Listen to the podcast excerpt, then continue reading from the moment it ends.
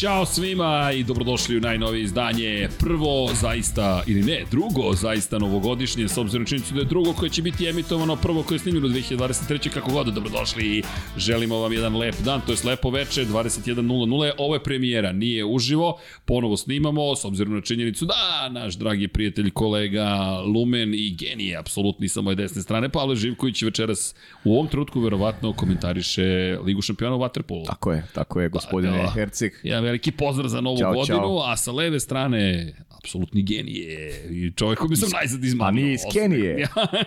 Gospodin Dejan, Potko, Dejan preozbiljni potkonjak koga ćemo da u- ne ozbiljimo do kraja emisije u potpunosti. Ali, Deki, dobrodošao. Bolje Jesmo ti nedostajali? Kako da ne? Neviđeno. Kako da ne?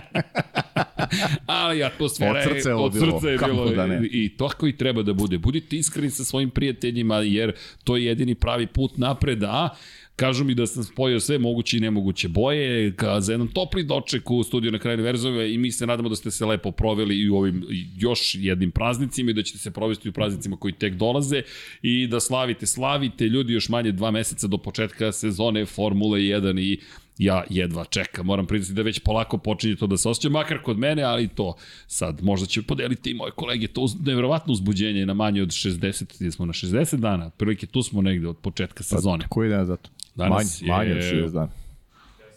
10. januar, 5. Ma, 5. marta, tu smo. Pa da. Tu smo 31, 28, malo, o, opa, tu smo, manje od 60 dana. Ovo Ne, ne znam, 40%. to, ma to će da buf. Još će- taj skraćeni februar, pa to ide ovako dobro. Za tili čas doći će pun gas.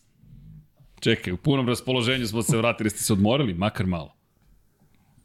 Pa dobro, da, mislim, ono, generalno, što se tiče ovih praznika, jedini gde možeš možda malo više dana da skupiš, ali...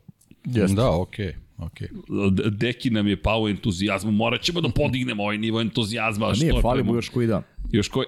A svima nam fali to. E, Uvijek. vidi, uvek ti nedostaje. Kad uđeš u taj mod, kad uđeš u taj mod da, da nemaš obaveze prije, I onda ovo još jednom ne... Mora treba ti malo vremena da se da, da uđeš u taj radni mod. Dobro, je li ovo radni mod ili šta je ovo, Pa zabavni dobro, ovo mod? je, ovo je zabavno Ovo je karakter. više zabavni, Zabavnog zabavnog karaktera, karaktera. ali imamo neke ozbiljne teme danas. No, pre nego što krenemo, par stvari. Prvo, nadam se da ste dobro, mazite se naravno i pazite se i budite dobri jedni prema drugima. Univerzalna poruka ostaje i ja se nadam da će tako i ostati. Veliki pozdrav svima. Pre svega želim da vam se zahvalim za svu podršku kroz sve ove sada već godine. Želim se zahvalim za podršku, pogotovo našim patronima i članovima na YouTube-u. Vanja je prošli put pročitao sva vaša imena, bilo je to dramatično. Da li ćemo uspeti da snimimo sve kako treba? Ja, prihvatili smo i zahteve, mislim da nova muzika još nije spremna, pošto snimamo, zamolit ćemo Peru da nam pošalje, pa ćemo onda naknadno da snimimo. Nemam pojma čiji će glas biti, ali bit će glas Infinity Lighthouse-a i zaista hvala patreon.com kroz Infinity Lighthouse ili kliknite join, ali kliknite svakako like, subscribe, sve ostalo što vas redovno pozivamo, ne zamerite, ali to ćemo nastaviti da činimo dok smo na YouTube-u kao glavnoj platformi, znači nam, tako da hvala na tome. S druge strane, ima, ima dosta tema, ima jedna mnogo velika i tiče se naravno Andretija i Kadilaka, međutim pre nego što krenemo, nekako bih samo da spomenem, pričat ćemo nešto kasnije možda i više o tome, ali prošlog utorka, dosta tužne vesti, dramatične, ne znam ni kako bih ih opisao. Ken Block je izgubio život u jednoj tragičnoj nesreći na skijanju i ne znam, taj zimski sport i zimski sportovi nekako biciklizam, b- mnogo nas koštaju kada je reč o nekim herojima našim. Mihael Schumacher se još uvek oporavlja od povrede koje je zadobio pre 9 godina. Keep fighting, Michael Poruka ostaje, ali Ljudi, Ken Block je mlad čovek, bio tek preko 50 godina, čovek koji je redefinisao mnogi stvari kada je reč o, o rekao bih, odnosu, to jest vezi između gledalaca i sveta brzine uzbuđenja, ne nužno kao realista koliko kao neko ko je izmislio Gymkhanu i koji je zaista promenio show biznis i način na koji se posmatraju stvari u kontekstu automobila i generalno veštine upravljanja automobilima. Ne znam ni kako bih opisao Kena Bloka, zaista jedinstvena pojava. I... Pa baš tako kao što si rekao, baš. Bukvalno jedinstven, jer Ken Block je Ken Block. Ne, ne znam da li postoji još jedan Ken Block, tako neko koga bismo tu svrstali. Meni je on nekako kao Travis Pastrana što je na dva točka, na primjer da Travis Pastrana i na četiri točka bio i tako dalje i tako dalje. To su te neke posebne ličnosti i baš veliki gubitak. Nismo mogli da prokomentarišemo, mi smo snimili emisiju nekoliko dana ranije, ali prosto da, da ne ostane nekako nezabeleženo da za mene to baš bio veliki šok i budim se vidim poruke i svi razmenjujemo odjednom poruke i Ken Block, da li je moguće, moguće je, tako da samo želim eto da se podsjetimo Kena Bloka i da, da kažemo da ne postoji zamena, opet ista priča, pamtit ćemo ga svakako, ali nemam nešto da dodam što već nije rečeno, baš mi je žao pošto nekako Ba, uvek, uvek je pre vremena, ali ovo je baš bilo iznenad. Pa ja nemam šta dodam na, na to što si ti rekao, možda za gledalce najbolji da Deki preuzme mikrofon zato što ima priliku da ovaj da čoveka upozna, da, da radi intervju sa njim, tako da je to možda najbolje taj neki lični ugao, neki lični pogled koji ja nisam imao prilike da, da doživim, a ti Deki jesi. Pa ono što je Srđan i rekao, mislim Ken Block sa Trevisom Pastranom, to su dvojica momaka za koje možemo reći da su pravi akcioni heroji automotosporta, pre svega na neki, na neki uvrnuti lični način, ovaj, otkrili su neke dimenzije koje do tad nisu bile nisu bile poznati, bukvalno su napravili jednu, jednu armiju sledbenika pre svega što se tiče tih sportova, da ih nazovemo sportovima, ekstremnih sportova na, na 2 i 4 točka, ali generalno su svojim aktivnostima, generalno taj neki ekspre, ekstremni sport podigli na viši nivo. Ken Block, ovaj, čovek koji je bio odličan automobilista, naravno, bilo je i, i biće i ima boljih od njega ovaj, što se tiče osvajanja nekih trofeja i, i ovaj, nekih drugih stvari, ali što se tiče te neke ljubavi prema automobilizmu, mislim da da se nalazi u samom vrhu, čovjek koji je bio izuzetno posvećen svemu tome i osim te, tog nekog ovaj, talenta za, za, za vožnju, čovjek je bio izuzetan biznismen i u stvari ta žica je mm. Uh, izuzetno zaslužna za sve ono što je on, on izgradio u svojoj karijeri, zbog čega je poslao, postao to što Srđan kaže Ken Block.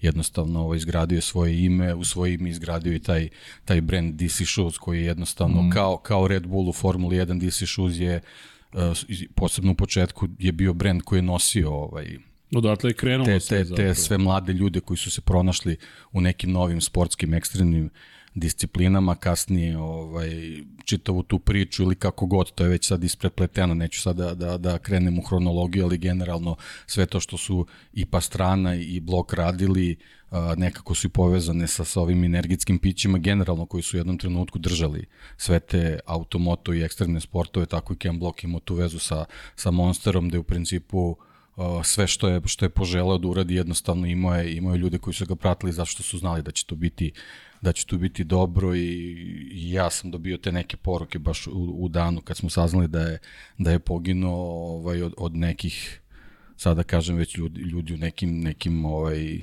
30. godinama ovaj, koji kažu jednostavno da, da Kena Bloka pante po tome što su odrasli uz Gimkanu i, i te neke pratiće vide jednostavno to je bilo nešto što je ispunjavalo Kena Bloka, opet sa druge strane je bilo odličan recept kako da ljudi zavole ovaj, kakve god discipline, ovaj, auto, auto motosporta, ali generalno vezano za njega to su pre svega rally, to je, to je mhm. drift, ali eto iz nekog ugla ljudi koji se, koji se bavi medijima, kroz Ginkanu smo možda naučili neke a, neke, našli smo u stvari neke nove, nove pravce što se tiče produkcije pre svega videoprodukcije i generalno i ovo što mi sad radimo možda u nekom deliću, u nekom procentu je nastavak te neke prve gimkane koje jednostavno kad se pojavila, sećam se, mislim tu negde do, do trećeg, četvrtog ovaj dela, bukvalno je bilo ono kao šta će sad izmisliti, kako će sad to, to uraditi, da li je moguće da postoji nešto novo, međutim da, u svakom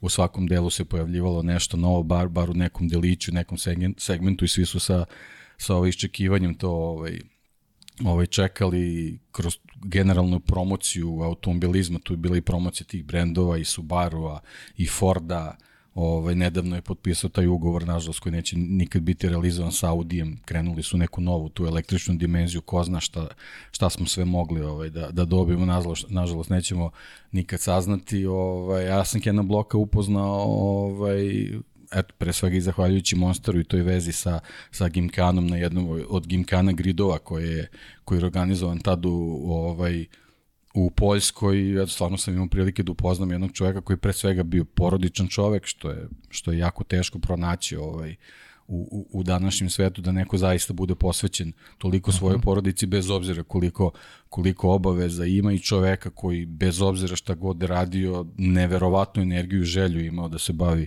automobilizmom. I bukvalno sve što je radio išlo je ka tome da se on što više i što češće bavi ili automobilizmom ili tim nekim ekstremnim sportovima.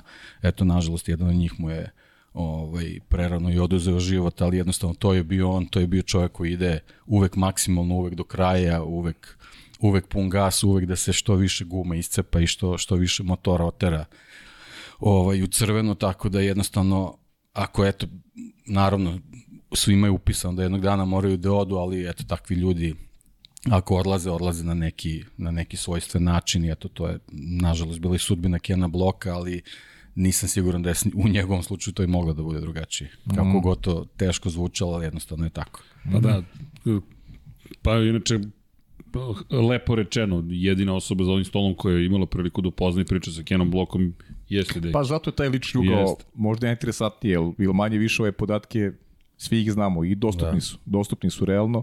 Pa ajde, možda je neki neki neki utisak osim toga da je porodičan čovjek. Znaš kako, kako nema šta, znači čovjek, čovjek s kojim razgovaraš kao što sad sa vama razgovaram, to je to je taj utisak jednostavno, znači apsolutno ne postoji neka, neka dimenzija i neka, neka razlika mm. između nas, zašto što je on neka svetska mega zvezda, ja sam tamo neki novinar koji je u tom nekom njegovom dnevnom rasporedu, apsolutno svi koji su za taj sto seli dobili su maksimalnu pažnju, maksimalni, maksimalno drugarski razgovor i to je ono po čemu će se Ken Block, što se mene tiče, da. zaista pamtiti. Jednostavno, taj odnos prema svima, ovaj, gde on je, on je često u tim intervjuima potencijal, to je najvažnije. Sve ostalo nije bitno, bitno je da, da si čovek pre svega.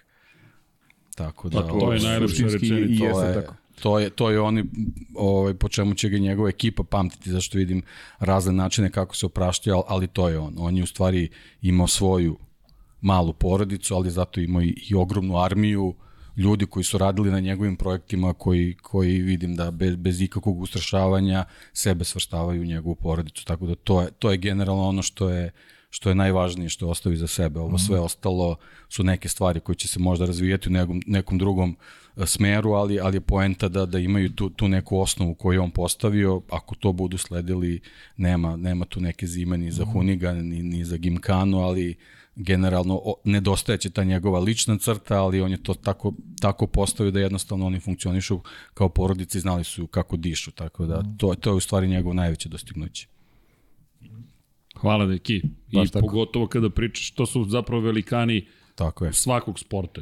Ostanu Tako ljudi je. do kraja u suštini, bez obzira na uspeh, tako titule, je. novac, šta god da im Jest, se dešava.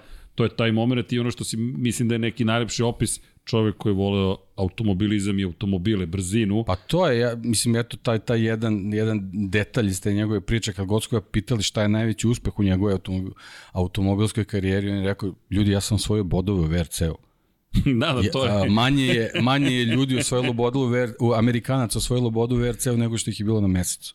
Da. I on je to stalno potencirao, jednostavno Žena, imao je neke da. životne ciljeve i, i ništa nije mogo da, da ga poremeti s te priče. Kažem, sigurno postoji mnogo boljih pa vozača pa, pa on nego što je Ken Block. Osvojio, nigde nije osvojio titul. Pa ne, to je jednostavno... Ne, ne, nije on bio šampion. Nije bio šampion. Njega je samo zanimalo da sednu u kokpit i da vozi i da uživa u tom kokpitu. I to, to su... Je to. Da, da. to je to. A posebno kad si kao on dobio priliku da, da stvaraš automobile kakve želiš da voziš, mislim, to je, ne postoji veća sreća za bilo koga automobilistu ne. i on jednostavno na tom polju se apsolutno ispunio, s tim što zaista, eto, žal je što nećemo znati kakvi su sve planovi bili, nikad nećemo saznati gde treba da ode taj novi projekat.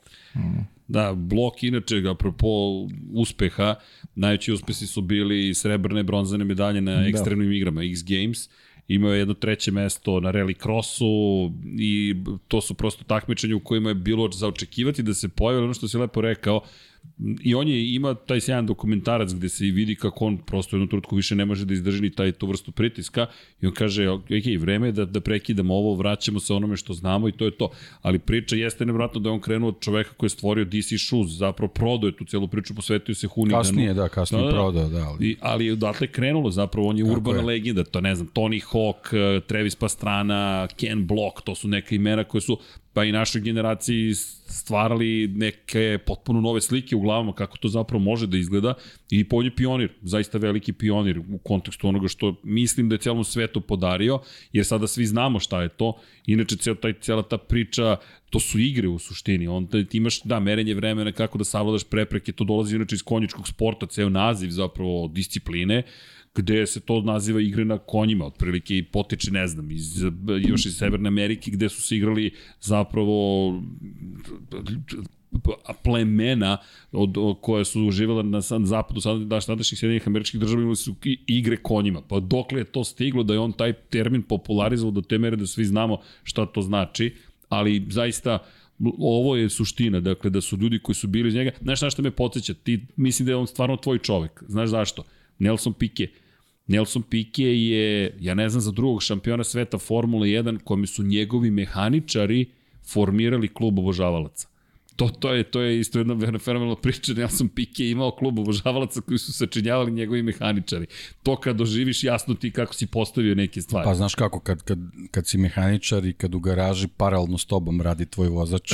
Nije loše. To su neke stvari koje stvarno te povežu. Jednostavno to je a inače on je počeo kao mehaničar jednostavno. To su, to su ljudi koji, koji vole to, to. Znači tu, tu sigurno postoje neki razni ciljevi u karijerama, ali primarni cilj je da se zauvek baviš tim i to je jedino što ih zanima. Sad da li će to da proizvede nešto, nešto mnogo više, da, da. neku egzistenciju i tako dalje, nije ni bitno. Bitno je da, da sebi napriš uslove da se čitav život baviš tim. I A to, je, to je najvažnije. proizvedi i tu drugu. Pa naravno, zato što jednostavno, tu ljubav jednostavno ti ljudi imaš. tako da. i takav talent poseduju da jednostavno ta, ta posvećenost dovede do toga, je, ja. taj, taj, taj ogroman rad da jednostavno to drugi prepoznaju i naravno kad je zdrava sredina, onda jednostavno to mora da se materializuje, ali to u njihovim slučajima uopšte nije bitno bilo, zato što sve to što se materializuje kasnije se opet potroši na neke nove projekte. To je jednostavno jedino što ih je vodilo i što ih je mm. zanimalo. Što mi to zvuči da, poznato. Da, pa to je, to, to je ujedno najbolja moguća poruka svima. Ljudi, pa jest. Radite ono što volite. Tako koliko je, je to moguće. Ken Block je zvanično, nekom...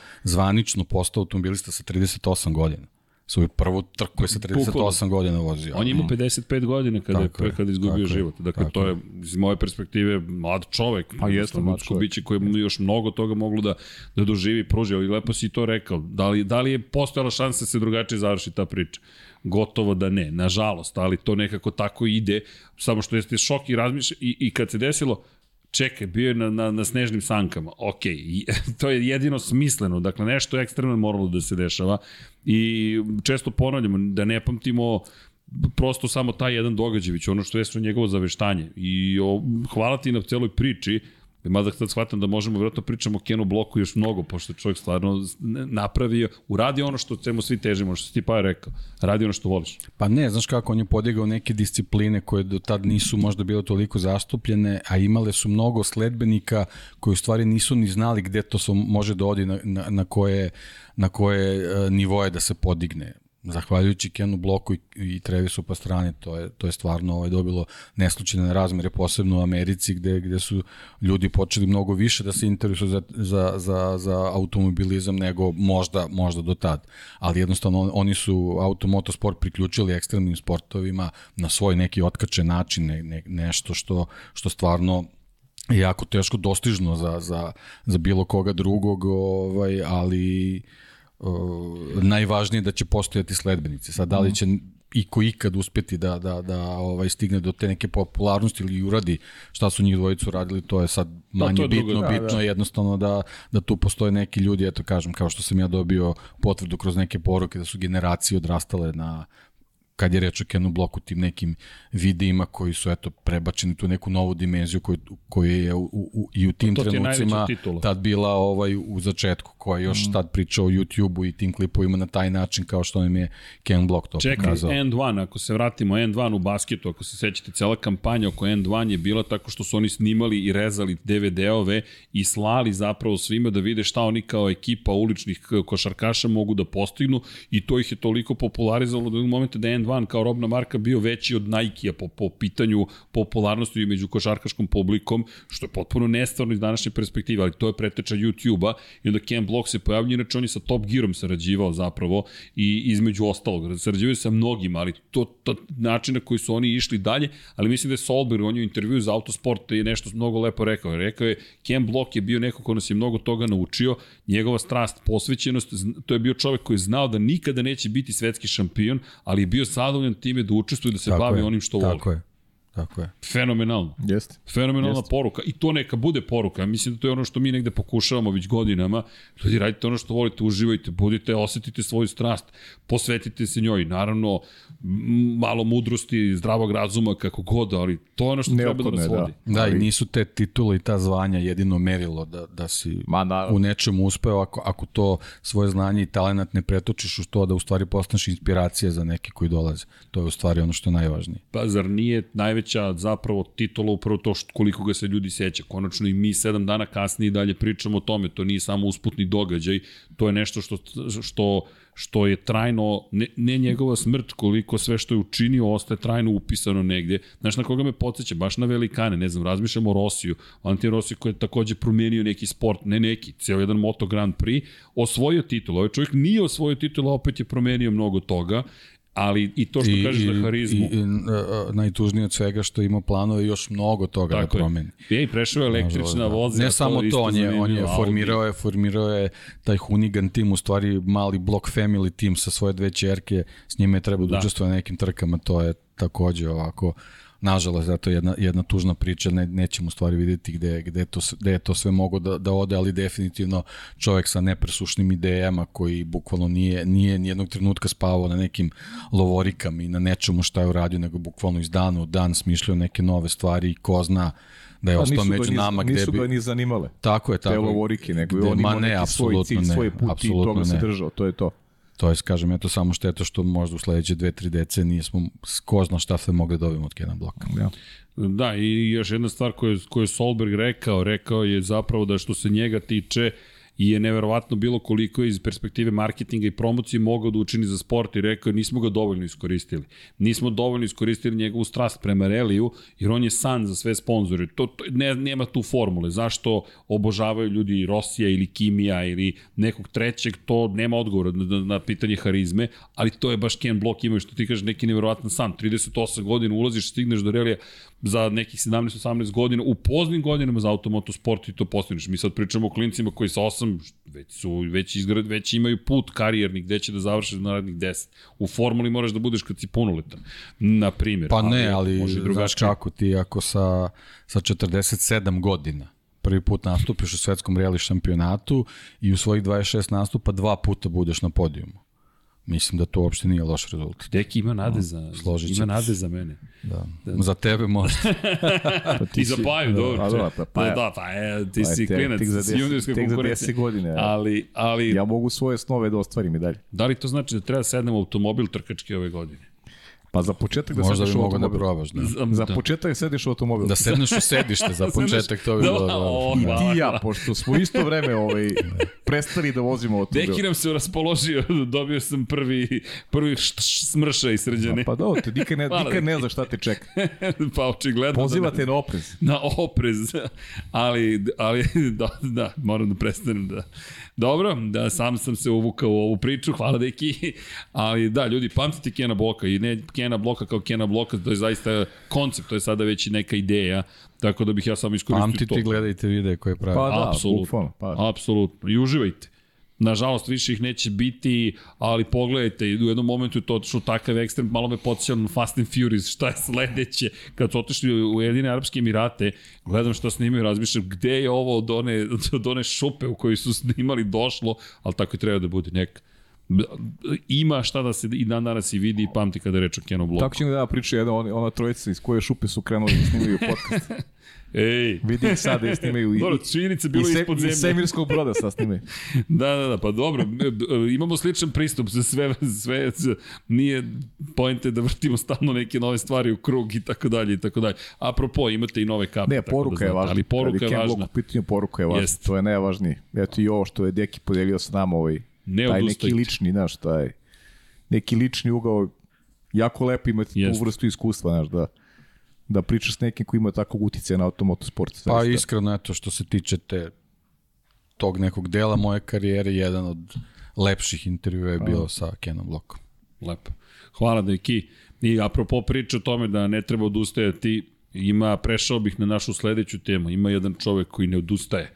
Zove se Michael, preziva Andreti i Da, čak ni u devetoj Baš, deceniji. ne, ne, ne, Mario, ma, ne, Mario ne odustaje, Mike, da, a Mario. Michael isto, to, to je Michael, da. porodično. Mario je vozio bolid McLarena prošle godine, jedan od dva svetska šampiona iz Sjedinih američkih država, ne znam zašto, konstantno sam oduzimao jednu celu titulu Amerikancima, ali izvinjavam se na tome. U svakom slučaju, Mario Andretti koji je zapravo i stvorio jednu trkačku porodicu, uključujući sina Michaela koji ne odustaje i to je jedna zaista od velikih tema, najvećih trenutno u Formuli 1, Michael Andretti i, i Cadillac i prilično se proširila ta tema od saopštenja da Andretti i Cadillac žele zapravo da uđu u Formulu 1 zajedno. Cadillac je deo General Motorsa, dakle imamo vrlo jednu ozbiljnu američku kompaniju, jednog od najvećih proizvođača, proizvođača koji je decenijima bio proizvođač broj 1 u, u svetu, pre nego što Toyota, deki ti mi ispravi koliko grešim, pre nekih 15 godina preuzela tu poziciju. GM je rešio eto zvanično da uđe u Formulu 1. Međutim, tema je prilično široka, nije tek tako jednostavno General Motors ulazi u Formulu 1 i Andretti ulazi u Formulu 1. Odakle krenuti? Uf, bit će ovo zanimljivo. Ima baš mnogo pipaka ova priča, ali od početka. Michael Andretti inače je čovek koji, kad kažem ne odustaje, baš ne odustaje. Vozio je svoje vremeno u Formuli 1, bio je klubski kolega Ayrtonu Seni u McLarenu, 93. godine su zajedno nastupali, čovek koji je uspehe trkačke najveće ostvario u Severnoj Americi, zapravo sin je Ma- Marija Andretija, legendarnog vozača i šampiona sveta, čovek koji je pobeđivao na skoro svakoj trci na kojoj je učestvovao, ne znam gde nije učestvovao, ali je point u tome da Pa Andretić... jeste, na svakoj pobeđivao. Da je god je učestvovao. Pa, po, otprilike, jedino što mu nedostaje, mislim, velika nagrada Monaka, tipa da bi, do, da bi objedinio Da, da, nema, nema sve. Grand Slam, da. Tako nema je, nema Grand Slam. Ali svako takmičenje kojem je učestvovao, pobeđivao je. I neverovatan je Mario Andretti i iz te porodice izašao Michael Andretti i Andretti Motorsport koji godinama pokušava nekako da uđe u Formulu 1, međutim čini se da ovoga puta da su najbliži što mogu biti. Prošle godine, u momentu kada su želeli da otkupe, bilo je priča o Zauberu, pa je bilo priča o tome o možda otkupu Hasa, već tada su dosta, dosta timova bilo protiv toga da Andretijevi uđu u Formulu 1, što je bilo veliko iznenađenje. Pričali su o tome da ne donose dovoljno. Pre svega Toto Wolff je bio prilično glasan i rekao, ako ti donosiš manje od onoga što ćeš dobiti, zašto bismo te mi pustili u Formulu 1? Ali, ali, pre nego što odem na, na, na taj deo priče, samo da kažemo, Andreti, Cadillac su zvanično rekli da, da žele hoće, da uđu da. u Formulu 1. Da bi ušli, moraju da dobiju zapravo ha, dovoljno glasova da ih puste u taj elitni klub u, u kojem trenutno imamo 10 timova. Imamo tri velika entiteta. Jedan su klubovi, to je timovi, jedan je Međunarodna automobilska federacija FIA i jedan je Formula 1 kao kompanija koja je zapravo vlasnica trademarka, to je robne marke Formula 1 i koja organizuje šampionat sveta Formule 1. 200 miliona je neophodno da se plati kao polog i kao nešto što će se podeliti među ostalim timovima za gubitke koje će pretrpeti usled toga što no- novi tim ulazi, pa sve ono što se zaradi mora da se deli sada sa 11 timova, ne sa 10. To su neke od osnovnih stvari i naravno, kao što sam rekao, morate da dobijete dovoljno glasova da uđete u celu priču. Pored toga, morate da budete dakle, tim koji, morate da postojite kao ekipa. Postoji i pro i kontra ove cele priče. Za početak, kako vama zvuči uopšte ta najava, ajmo da uđemo mi u Formula 1 kao Andretti i Cadillac. I da napomenem, Cadillac je deo robnih marki GM-a, GM nikada nije bio u Formuli 1. Da. Ni na koji način nije učestvovao u Formuli 1. Cadillac je inače luksuzna robna marka u Sjedinim američkim državama, ne proizvodi se tako velikim brojima, ali kad Cadillac, kad kažete u Americi, to ima ozbiljno značenje. Kina, Kanada, Sjedinje američke države su tri najveće tržišta Cadillaca i ajmo da krenemo, ljudi, kako vama zvuči za početak? Mene je obradovalo što su što je povukao potez, pa makar se i perije samo podiglo, ali mislim da je sada već ovo mnogo ozbiljni potez, jer GM je zvanično rekao hoćemo u Formulu 1.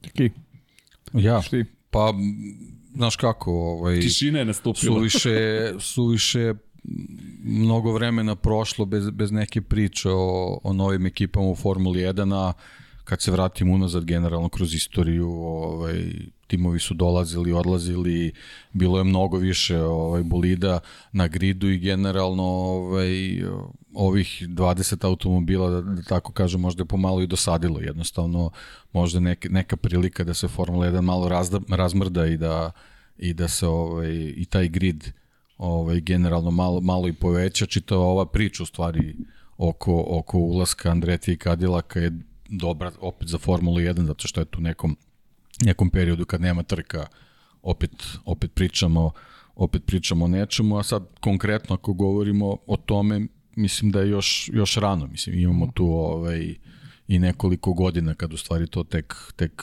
će moći da se realizuje ako uopšte uopšte do toga dođe. Što se tiče Andreti porodice, mislim, ne, nema tu šta da pričamo, ovaj, toliko dugo su već u, u autosportu da, da, da ovaj, jednostavno prisustvo tog imena mnogo znači i za, i za samu Formulu 1 zato što u stvari donosi neku ozbiljnost sa sobom. Znači to nije, nije sad neka grupa entuzijasta koja je odlučila da, da, da potroši svoje mm. milijarde i milione na, na, na trkanje, nego jednostavno jedna, jedna ozbiljna, jedan ozbiljan trkački brend pre svega koji uh, dugo godinu nazad osvaja trofeje u američkim šampionatima i, i prirodno je da da postoji neka ambicija posebno kad kad imaš ovaj na na čelu osobe koje su i same iskusile šta znači Formula 1 potpuno je prirodno da oni požele da naprave taj neki ultimativni korak u tom svetu i da eto da se okušaju u Formuli 1 naravno Formula je sad postala ovaj ogroman zalogaj za sve zato što nije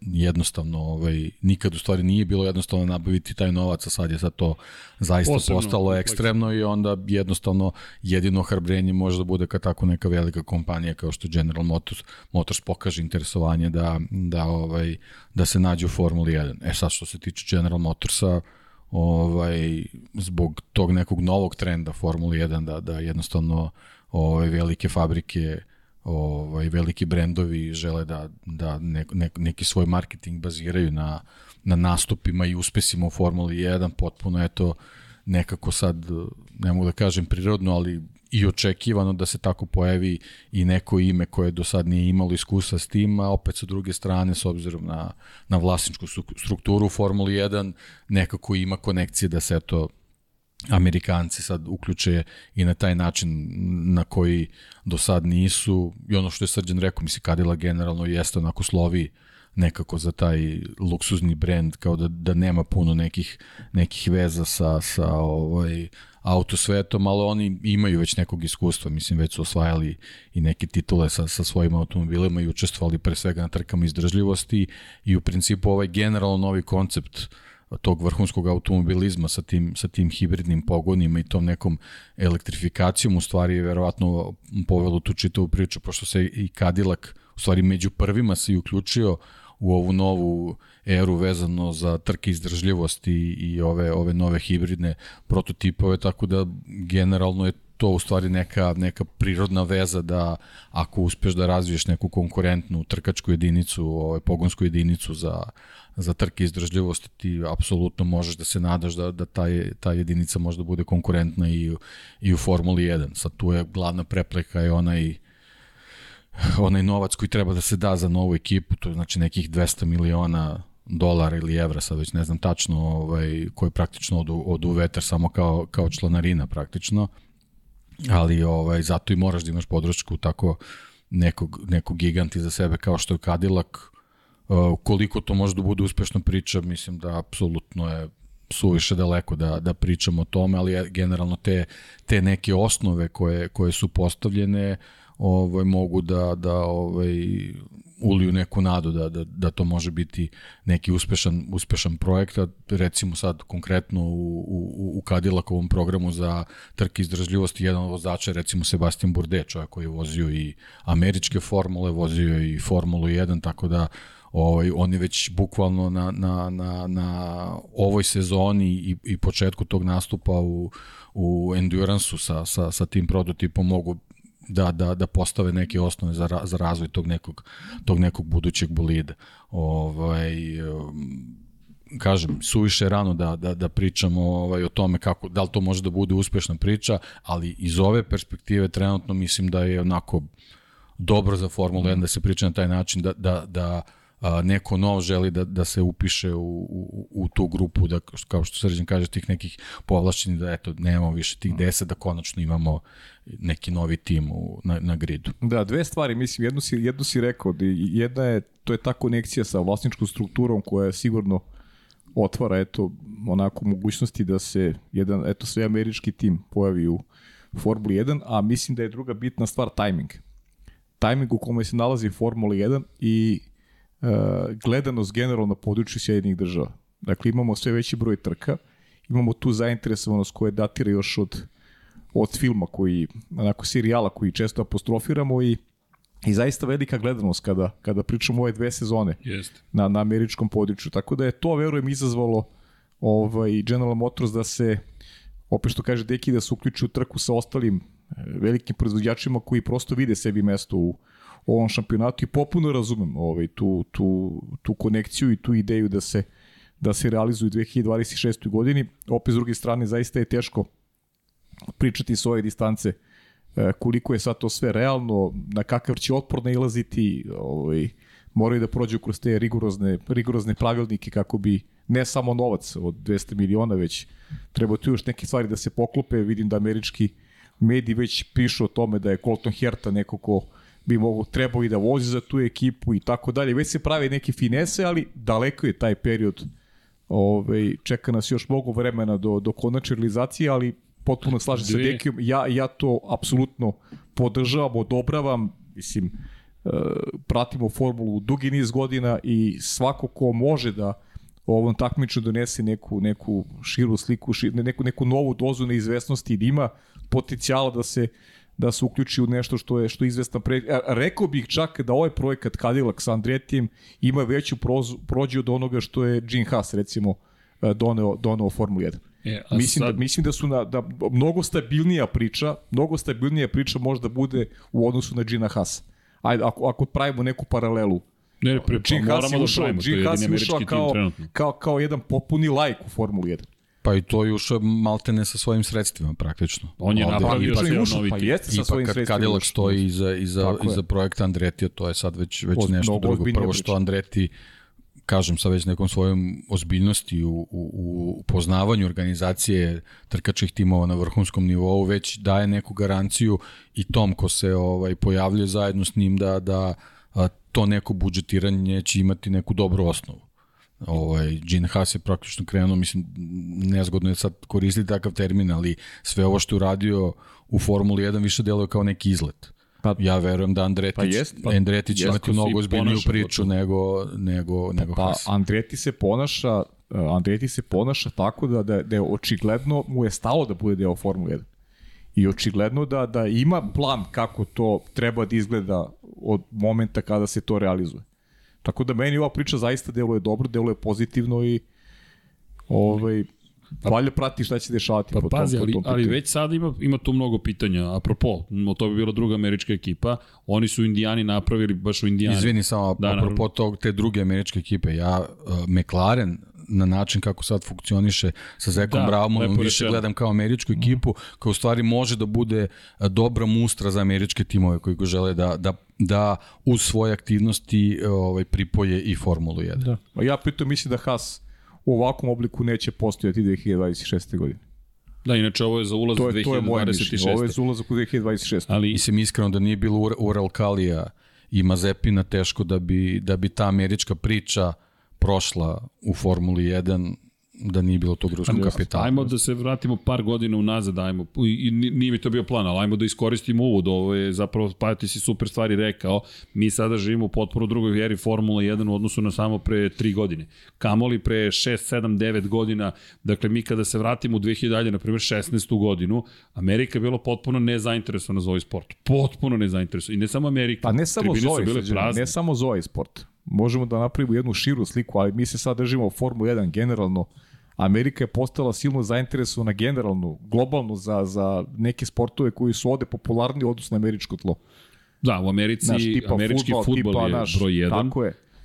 Imamo američki futbol, NBA u kao košarku, recimo danas. Major League Baseball, to su tri sporta koje su velika, NASCAR koji je bio glavni sport kada je reč o automobilizmu I to, to je bio fokus. Hokej Hokej, da, hokej sam zaboravio, na NHL. I to je, to, to je pet sportova koji su zaista glavni. I pri čemu je NASCAR neka vrsta anomalije, jer govorimo o trkačkom sportu, govorimo i o sportu koji je popularno isključivo u Americi bio, tek 2015. smo mi počeli da radimo prenosi da komentarišemo, ali u tom momentu Formula 1 je potpuno nevidljivo u, u, u, u Sjedinim američkim državama. Apsolutno nikog ne zanima. Formula 1 i futbol su postali u Americi sada ovaj, takođe vrlo zainteresovane sfere biznis, ozbiljan biznis takođe koji Jeste. se, koji se ovaj, pokrenuo i odatle i ta želja i Cadillac Ali- Ali... General Motorsa da budu deo ovog takmičenja. Ali još jedna stvar, Formula 1 generalno kao sport je bila manje popularna. Bile su prazne tribine u Evropi, ni mi ne pričamo pol, poluprazne, ne potpuno prazne, nisu mogli da prodaju ulaznice, ne kao sada, ti sada godinu napred su imaš rasprodate ulaznice, ljudi ne mogu da nabave ulaznice.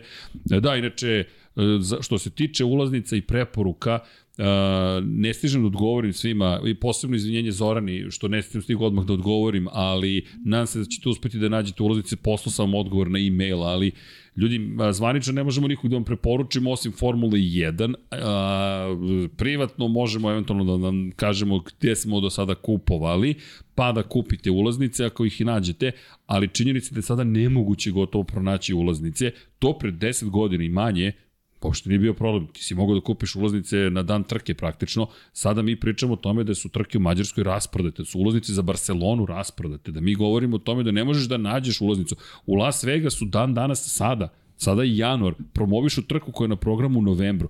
Generalno na globalnom nivou je nastala A da, potpuna promena. marketing, rekli smo marketing, Pa, film. Formula 1 je iskoristila dobar trenutak da, da se ukrca u taj voz vez, vezan za promociju na društvenim mrežama i ovaj generalno ta neka online kupovina je ovaj potpomogla da, da se ovaj Formula 1 vrati na, na taj način na koji se vratila, vezanu generalno za, za, za promociju i jednostavno predstavljanje toga da, da je karte jako teško pronaći.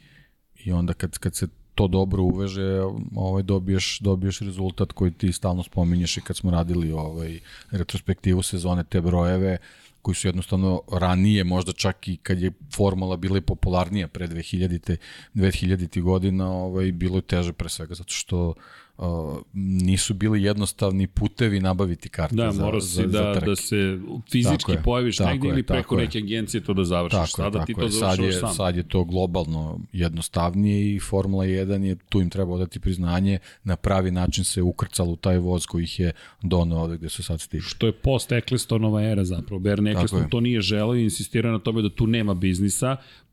Pokazali su mu novi vlasnici da i te kako ima Da, biznisa. s tim što je tu postao neki, neki ovaj džep i neki loš tajming u principu u trenutku odlaska Bernie Ecclestona formula tehnološki a, nije nije ovaj a, odgovarala a, publici koja je trebala da se formira oko nje. Osluškujući malo malo i to tržište došli smo sada do nekih nekih automobila koji možda ovaj liče na ono što nam treba, nedostaje još samo malo tog zvuka i u principu to je ono što, što u principu svi žele da vidi. I na sve to dobiješ ovu sezonu 2021. Tako je, koja tako je. je tak kakva jeste i Koja digne Formula 1 u stratosferu. čak i onaj ko nije gledao Formulu 1, Ali- zanimalo ga je šta će biti. Ali digitalizacija mislim da radila ogroman Da, pa posao. naravno, Je- naravno. Kada pogledaš, pa i, i ovo što mi radimo, to je digitalizacija praktično cele priče. Mi smo na YouTube-u, pre svega na podcast platformama, priča se o Formuli 1 na sve moguće načine, knjige, konačno mi objavljujemo knjige. Govorimo o tome da se novi formati snimaju, Naravno. filmovi će stići, evo Brad Pitt snima film, dakle interesovanje je ogromno i sad u celu tu priču, zašto ovo sve pričam? To je sve tre- ak- aktuelni trenutak, to je moment u kojem se nalazimo. Pa, sad je svima, sad je svima interes da budu deo priče. I još jedna stvar, a da li je svima, Čak, čak i pod uslovom da ne pobeđuju. ali da li Dobro je je svima tu. da budu deo priče, to je da li je sada svima, Misliš da li svi prihvataju Cadillac da bude deo tako te je, priče? da, da Pa se dobro, do, to je- da uđe neko novi u celu priču. To, to je sad drugi deo priče. Jer a, od 200 miliona sad kažu da je mnogo malo novca da bi bila kompenzacija adekvatna za ostalih 10 timova. Dakle, morali bi da podele po 20 miliona ukoliko bi delili na ravne časti. I priča se navodno da žele od 500 do 650 miliona dolara. Pri čemu Andretiju su još prošle... Evra, činim, 700 miliona dolara. e, tako nešto. Dolara, jesam rekao evra? Pa 600-650 miliona evra, u stvari oko 700 A dobro, miliona dolara. da, da, da. da, A to, to je to, da. Mislim, sad, sad se ono, Razlike licitira se sad sa... Sitnica. Ali poenta je, poenta je u stvari kolika je razlika. dole. Pa da, ali to je tri puta veće u svakom slučaju od trenutno. Dobro, Ne, ne, naravno, Koliko, naravno. koliko god to je bilo, 600, Nego, 700, potpuno sve jedno. iz prodaje će da ode, to te Ne, sitnice 100 miliona evra, to neće ni da je- broji. Logično je, znaš, svi žele da uđu, a sad oni što su već unutra ne prihvataju ovaj, I Novajlije tako lako. ima da. veze i sa Hasom. Has su naterali da formira novi tim i on je rekao da sada ulazim u Formula 1 pre par godina, ne bih formirao novi tim, pra, kupio bih neki tim koji je spreman na prodaju. Andreti, međutim, je u poziciji da njemu već godinama ne žele da, da, da otvore vrata. Prošle godine u ovo vreme se pričalo da je da mora da plati 200 miliona dolara da bi ušao. Rekao je, ok, našao je, Guggenheim partneri, koliko ja znam, su spremni da plate taj, taj honorar, bespovratni honorar od 200 miliona da Bacanje novca u vetar. Bukvalno. Bukvalno. Bukvalno. ti ne ulažeš u, u, u opremu, u fabriku, u ljudstvo, u ugovore, ne. Ti daješ drugarima fond. da Pa ti- uđeš Pa ti plaćaš, ti plaćaš ulaznicu. ulaznicu. Tako je, hoćeš da budeš član ovog kluba, plati 200 miliona. Ako će budeš član elitnog kluba, učipi se. Tako je. I on je sad platio, to jest našao je nekoga ko će da mu plati. Pored toga, to je navodno priča, dakle, po onome svemu što, su, što svi izveštavaju, Guggenheim partneri, inače, kompanija koja se bavi finansijskim uslugama ima portfolio kojim upravlja 325 milijardi dolara. Međutim, sada je mnogo lakše da odeš u New York City, u Chicago, u sedište Guggenheim partnera i da kažeš Formula 1. Odjednom vrata se samo ovako otvore i kažeš Formula 1, magična reč. Jer svi vide povraćaj novca. I uz Cadillac koji ti daje sada jedan ozbiljan brend za to tržište pre svega, a Cadillacu to otvara vrata globalnoj promocije, Naravno. svi hoće da učestvuju u tome. Pri čemu u Indijani je Andretti izgradio centar novi vredan 200 miliona dolara. Dakle, njemu investicije sada 400 miliona samo da započne igr- igru. Pri čemu, ono što je zanimljivo, Cadillac je rekao možda ćemo i proizvesti motor, ali za sada čak ni ne planiraju, nego će daći partnera.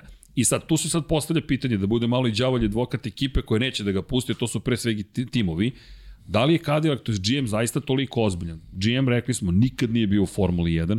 Cadillac, koliko vremena će mu biti potrebno da stvori pogonsku jedinicu koja može da parira ostalima, pogotovo uz ulazak Audija koji, deki, ti si o tome pričao još pre dve godine, ti si rekao da ti je jedino logično da Audi uđe u Formulu 1 jer u hibridu, to jest u Le Manu je već pokazao tehnologiju koja je direktno primenjiva na Formulu 1 i da su zapravo na svoj V4 dodali dva cilindra, stavili ga na kraju na policu i rekli ok, mi možemo u Formulu 1 kad nam to zatreba, taj tim će ući kao proizvođač motora, otkupljuje Zauber, a Cadillac će navodno koristiti Renaultove motore.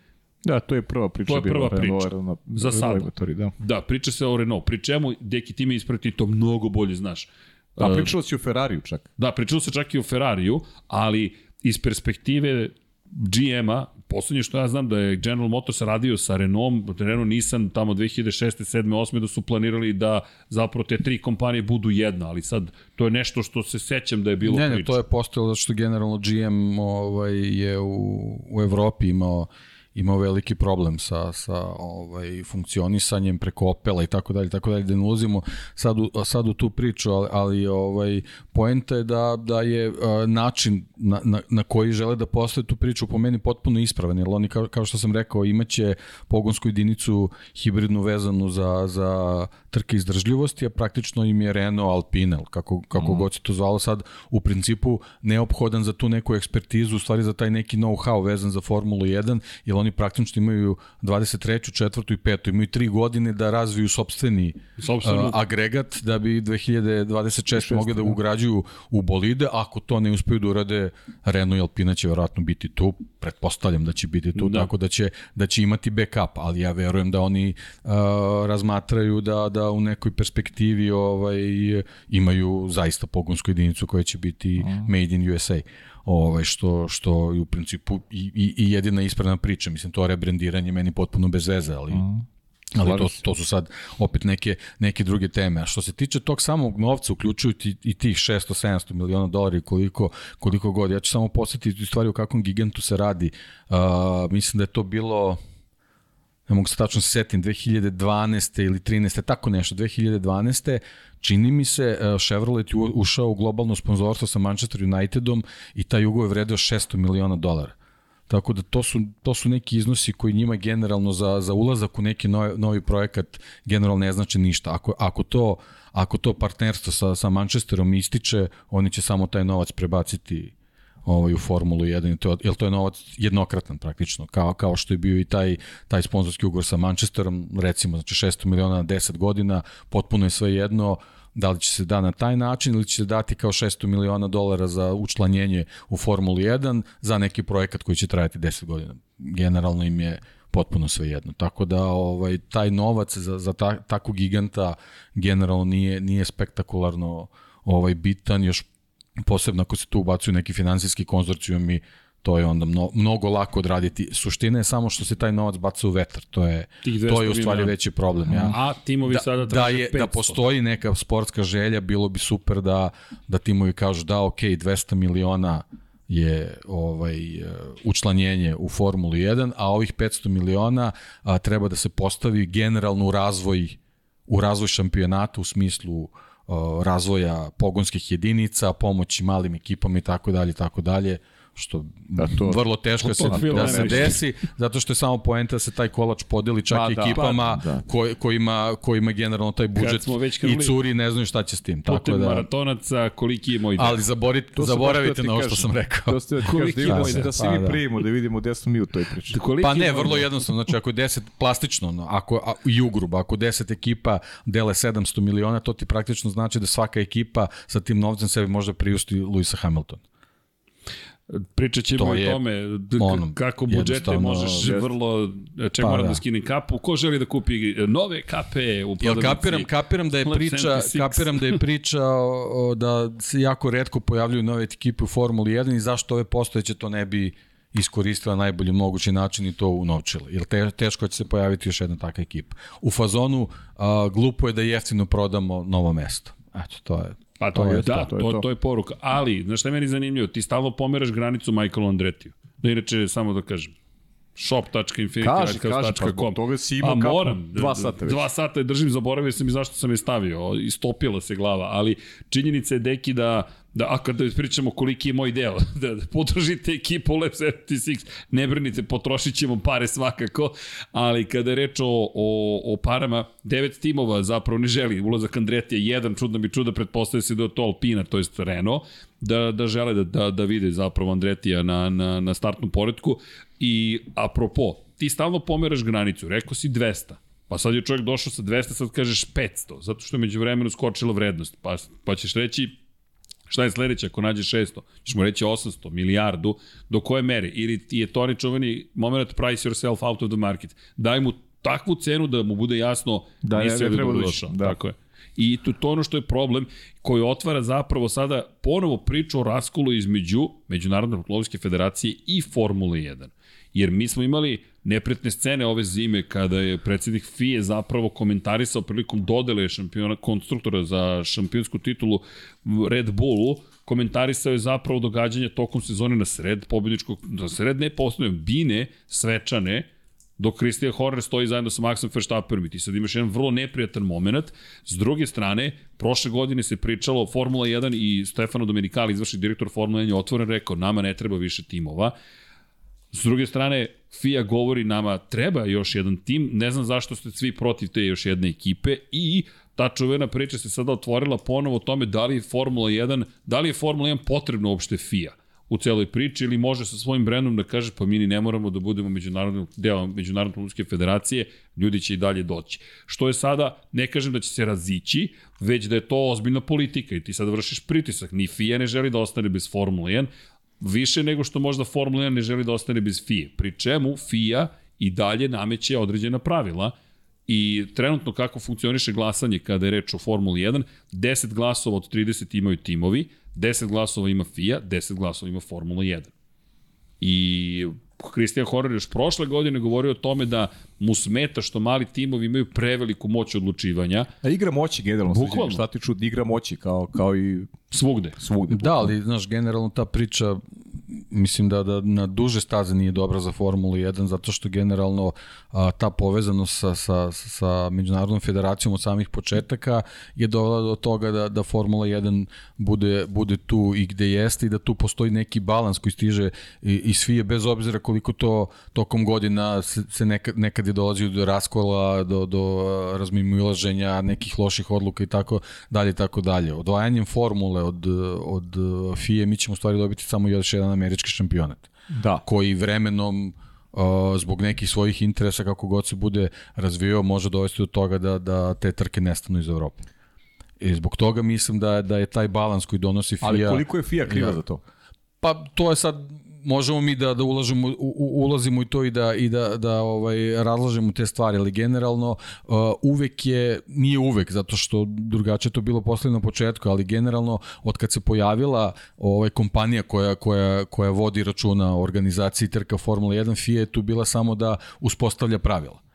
I ta, to uspostavljanje pravila, koliko god oni u nekom trenutku bila loša, dobra, sad da ne ulazimo to, je jako, jako bitno zbog tog nekog balansa kojeg dobijamo da bi Formula 1 bila to što jeste. I mislim da, da, da je za, za opstanak Formule 1, onako kako mi poznamo, jako važno da, da, da taj link između Međunarodne automobilske federacije i Formule 1 postoji. Bez obzira koliko to neko smatra kao neku, neku ovaj, kočnicu ili, ili balast ili tako dalje. Pazi, tako ja se skroz slažem sa to. Sve si u pravu. Ja, ja sam ovaj, neko ko je veliki protivnik amerikanizacije sporta. Te pogrešne, pogrešne postavke sporta zbog toga je taj balans neophodan. Ali mislim da FIA ne radi dovoljno Jer mi, ja, ja, ja Da, osjećam, ali to ti znaš kako, to dve ti je- godine osjećam baš mali uticaj FIA na sve što se dešava. Pa to je sad već i do FIA, to znači nije, nije ne verujem da je samo i, i, do, i do toga da sad Formula 1 to nije dozvolila, nego jednostavno FIA eto nekim svojim odlukama, možda izbor, izborima čelnih ljudi koji Mislim- jednostavno mislim nemaju da- uticaj da- da u Formuli ključna 1, stvar. verovatno i to, ali, ali mislim ti se sećaš, pratio si kao, kao ja to i srđan je to sigurno pratio, svi smo to pratili, kako, kako se, kako, kakve su se stvari dešavale kad je Euroliga napustila FIBU i tako dalje i tako dalje. Jednostavno FIBA je bila neka zastarela organizacija koja nije mogla da prati ovaj moderne tokove koje je, koje je košarka postavila i, i onda, onda, onda se izrodilo to što se izrodilo da generalno mi sad imamo neko, neko takmičenje koje, koje mnogo računa a, a, vodi o, o, o profitu nego, nego o samom sportu. Da je FIBA ostalo u celoj priči, verovatno bismo dobili neki balans koji bi možda dobilo, a, doveo do toga da, da postoje neke situacije koje nisu baš idealne, ali bi a, možda dobili sportskije takmičenje nego što ga sad imamo.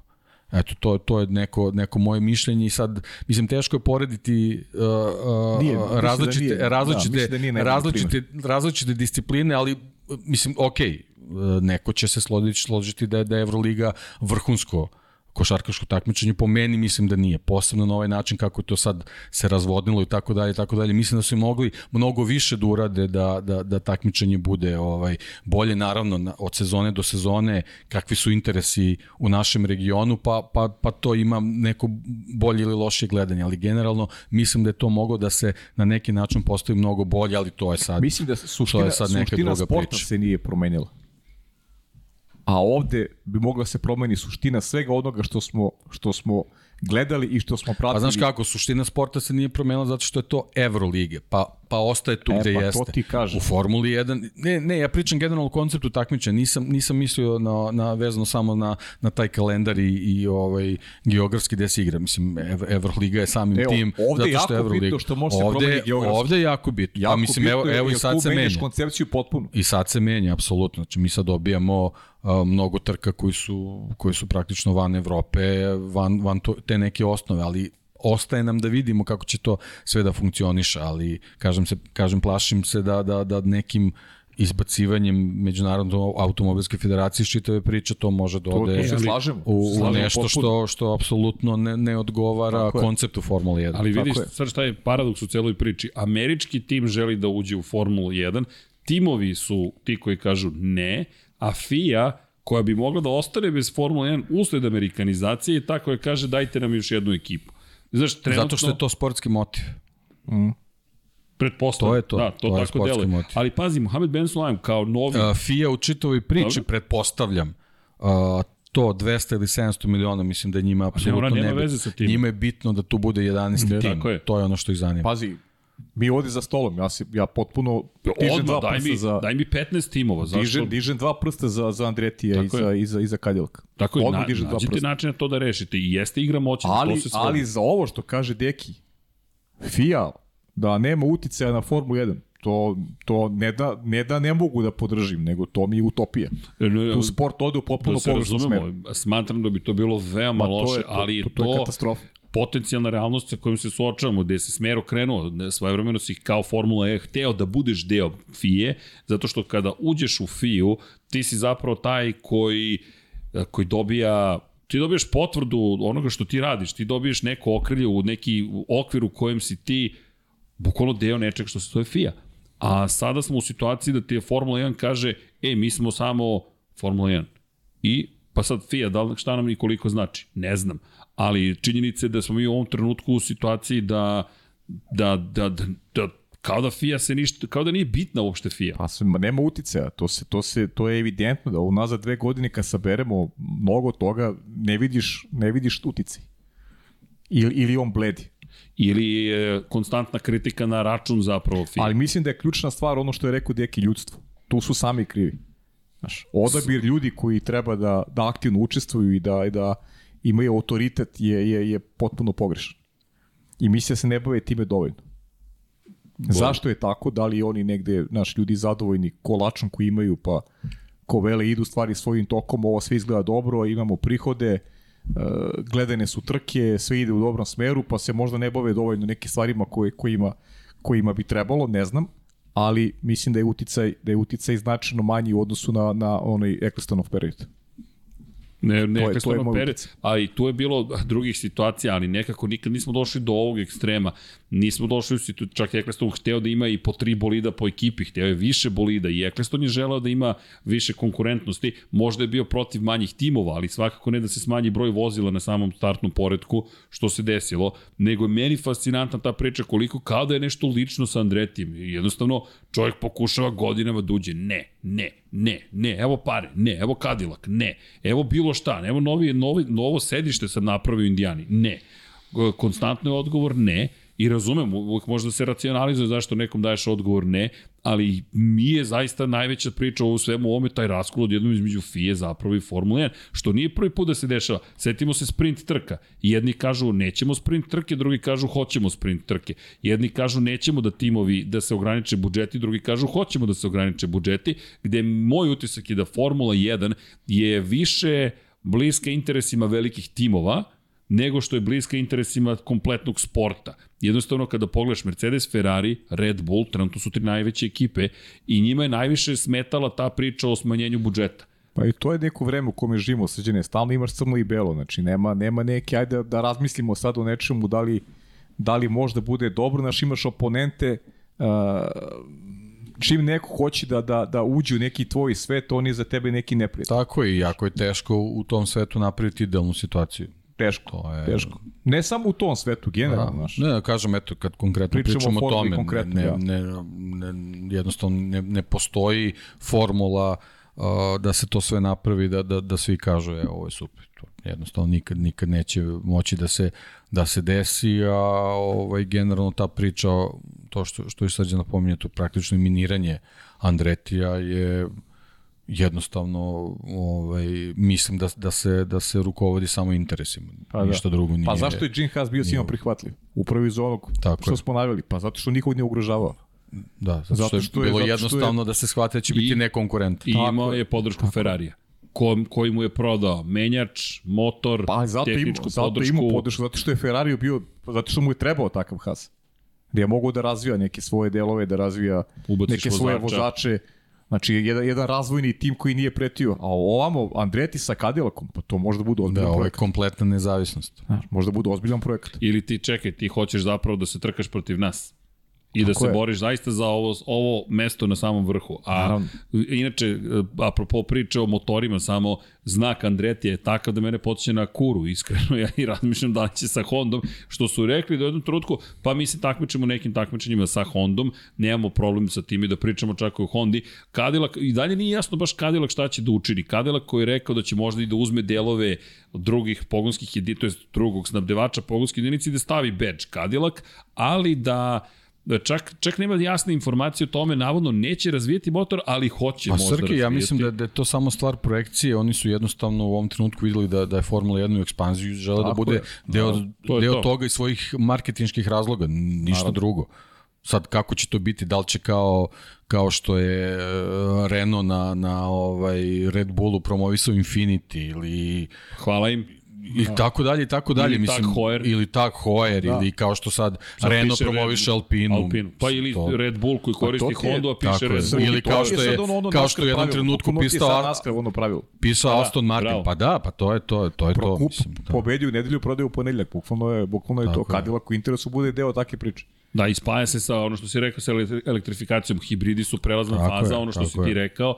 I vidimo da se sve više ukida po zakonima u Evropi, da će se ukinuti praktično hibridi vremenom. To ono što to je neka druga priča. Sad šta Formula 1 kako da ostane relevantno Ne, to je apsurdno, ali ne, Da, to je neka druga priča. to je neka druga Da, priča. to, to, to smo već prolazili. Otvorit ćemo mi tu temu neminovno, mislim da nam to sledi, ali razumem i Cadillac. Pazi, meni je sad odjedno, pazi, koliko puta smo mi izgovorili Cadillac? Koliko puta će se Cadillac pojaviti već u vestima zahvaljujući informaciji da želi uopšte da uđe u Formulu 1? Pa znam, ali evo, evo, upravo si malo pre si pomenuo to Ecclestonovo vreme, kada je hteo da uvede treće bolide. Zašto je to hteo da uradi? Pa zato što nije bilo dovoljno zanimljivo, zato što nije bilo novih proizvođača, nije bilo interesa da se uđe u Formulu 1, bio je jedan zatvoren krug. Bio zatvoren krug kada pričamo o proizvođačima. Sada, sad odjednom se uh, dobijaju mogućnost i novi proizvođači, se pojave u sportu. Imaju interes, jer je gledanost, popularnost je na nekom Jest. visokom nivou. A pogledaj koliko je I teško, zato se onda izvini. čudimo što Cadillac hoće Pazi, bude deo te priče. Porsche je imao problem da uđe. Porsche koji manje više dogovorio saradnju sa Red Bullom da bi Red Bull rekao Porscheu ne. Tako je. Možeš da zamisliš kako Red Bull pre 10 godina Porscheu kaže ne, ne, ne, nećete Pa ne vi. pre 10, ne mogu zamislim pre 3 godine da kaže ne. To, to su ogromne promene. Ti si sada dobio da si član elitnog kluba, zaista, i da ti zapravo možeš i sa mnogo većim Postalo da je stvar kažeš... prestiža biti Jest. u Formula 1. To je Baš to. su je doveli na jedan nivo. Ne znam da li je ikada bilo toliko prestižno Pa znaš u kako, poslovnom smislu. a, postalo je pre svega zbog tih nekih koliko god to se apsurdno zvučalo kad pričaju o smanjenjima budžeta, postalo je jako skupo da se uđe u Formulu 1. I ti si ranije imao u to vreme kad je Eccleston pričao o trećem bolidu, ti si u stvari imao više privatnih timova nego što si imao velike kompanije koje su, koje su se pojavljivali tu zato što jednostavno ni- nisu imali interes. Znači imao si tako te neke povremene izlete poput Toyota koje Tako preskupo da. platila svoju ulazak u Formulu 1 i tako dalje i tako dalje, a ti si uglavnom manje više imao uh, neke privatne timove koji su se tu pojavljivali, Eccleston je u stvari pokušavao da te privatne ekipe nekim, nekim ovaj promenama pravila dovede do toga da, da do, do dođu do tri bolida- bolida da bi imao više, više bolida na gridu. Međutim, vremenom kako su ovaj, ušle, ušle velike korporacije, oni oni na, na svaki način gledaju da zaštite svoje interese, to jest zaposleni u tim korporacijama. Znači oni ne ulaze, ne ulaze u, u te trke sa tim nekim otvorenim srcem da, kao što smo pričali o Kem bloku, neko To, to, tamo da privatno trkam. Ne, ne, ostvari ne. svoj cilj. Ne. Trkanje njima jednostavno nije bitno, njima, njima su bitni neki, neki drugi njihovi planovi, neka, neka pokrivanje nekih drugih budžeta i pojavljivanje igrača jednakih kvaliteta njima apsolutno ne odgovara zato što njima zagorčava život i to je, mm. To je jednostavno jedini razlog zašto se sve ovo dešava. Da, i izvini, kada pričaš o tome, kada govorimo o velikim timovima, apropo pravila o tome da ti zapravo imaš ograničenje budžeta, to pravilo je, to je, to je prvi rekao Oftmar Schaffnauer, čovek koji vodi Alpinin tim, i rekao, čekajte, velike te ekipe o, trenutno zloupotrebljavaju situaciju kako? zaposlenog koji radi na koji radi u ekipi Formule 1. Ti prebaciš iz Formule 1 pola godine da živi i radi u ekipi, u delu ekipe koji proizvodi motore za saobraćajna vozila, za, za, za vozila za, za otvorni saobraćaj. I ti odjednom njega imaš na plati u okviru kompanije, ali nije u okviru budžeta Formule 1 jer zapravo ne radi u Formuli 1. E, I tu ima baš mnogo lepih primjera. James Ellison se odjednom bavi kupom Amerike, on čovjek sada dizajnira za jahte, kao što je, to jest jahte, super brze zapravo jedrenjake, gde čovjek je otišao putem Adriana Njuija, ali zapravo u čemu je caka? Mercedes ne praća Ellisona cele godine, nego ga plaća samo kada mu je potreban i onda ga vrati u fabriku, ali njemu i dalje može da plaća toliko novca da ti ne možeš da kontrolišeš koliko je on plaćen dok nije u Formuli 1, vratiš ga u Formulu 1 i ima određenu platu. I onda ga 6 meseci ili 9 meseci pošalješ ili 3 meseca, e, idi malo dizajniraj brodove, a tu nema kontrole budžeta. I ti imaš tu opciju, to Ferrari takođe radi. Ferrari sa svojim timom šta radi? Možete da kupite stvari koje Ferrari proizvodi za vaše lične potrebe, gde ljudi iz ekipe Formule 1 se privremeno prebace u Ferrari je deo koji se bavi nečim drugim i oni se bave tim nečim drugim i dobijaju neke druge pare. Ti uvek imaš načina da pobediš taj sistem jel te, ograničenja budžeta. I to ono što smo od početka pričali, kako ćeš ti da proveriš ko je zaista koliko potrošio. Prošle godine Horner je insistirao da se poveća budžet za 3,1%, dobili su svi povećanje 3,1, a onda smo ustanovili da je sezonu pre za manje od 5% zapravo prekršio prav, potrošnju budžeta Red Bull. I ti sad sa svim tim kombinacijama igrama ti dalje ćeš uvek imati u prednosti velike timove. I ono priča o Lewisu Hamiltonu. Ko može privesti Lewisa Hamiltonu? Tako je, A, da. tako A je. to je uvijek će da bude ta priča. I to ne može da se ukine. Suštinski se nikad neće Ja ne vidim to, jer to nije, e, to je možda i neki pozitivan pokušaj da se, da se amerikanizuje sport iz perspektive toga, ajde da svi imate isti budžet. A nema šanse da se to desi. Jednostavno, to nije deo kulture Formule 1 i, i ne vidim samim tim mnogo smisla u tome, jer na kraju ćemo samo doći do toga ko će veštije da prevari. Pa Nije to će kao- opet biti neko kup takmičenje koje povlačim. Formula 1 nikako ne sme da postane. Ne da prevari, da rastegne pravilnik. E, povlačim to, pogrešno sam se izrazio prevari. Da rastegne pravilnik. prevari po znacima navoda. Pod navicima navoda.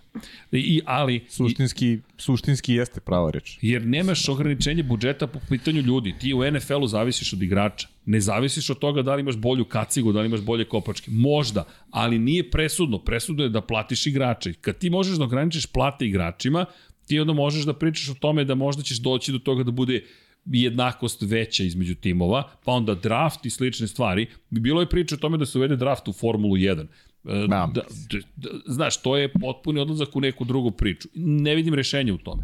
Mislim da je rešenje zapravo da uđe više timova i bude konkurentniji.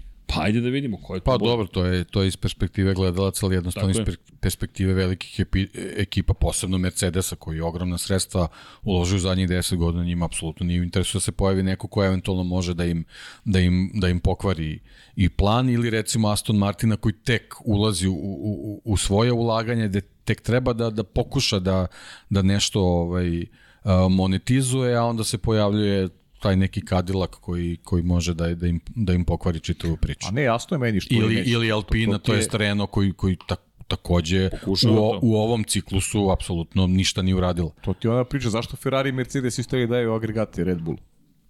To ti je, to ti je ta priča. A Red Bull ti ispadne, posle, ispade poslednji Mohikanac, kao jedan od retkih timova koji postoji. Zato što to njima nije bio interes. I Zato što svako je se imao- drži svog interesa i to je, ali opet, Dietriha Matešića su Tako imali. je. To, to je njegova igračka, bukvalno. To je njegova beba i on je čovek, nije više ali sa mislim nama. da sa, taj sportski motiv treba bude presudan i tu ne bi smelo da se dovedu u pitanje e, Pa zato, zato, za i, zato FIA i jeste za 11. tim, Tako upravo to. I FIA je tu Upravo to. Ali sad, sad je pitanje što, što je problem da li FIA ima toliki uticaj E, e, da izgura tu priču, da kaže ne, konkurski sporazum je rekao 200 miliona i kraj priče. Tako je. Ali sad, će, sad, ćemo, sad ćemo u stvari da vidimo koliki je uticaj FIA. Bravo. Najbolji primjer. Tako je. E, Da, i mislim da je, ali pazi šta se dešava FI. FI se dešava da upravo ulazi u situaciju da je u potencijalni sukob ušla sa novim predsednikom Srki, ti koji moraš, neki, ti moraš da uđeš u sukob. neki. Moraš, moraš. Jer, e, znaš, ne možeš da, da vodiš organizaciju, ne, nećeš svima da se dopadneš. I ne pa. možeš da se dopadneš svima, ali ti mora da imaš, e, to je sad čovek, znaš, faktor čovek, neko ko može da kaže to je Da li- tako i gotovo. Da li Ben Sulaim ima tu moć da on to Nisam izgura do siguran, kraja? nisam ja siguran, da. sam Nisam skeptičan.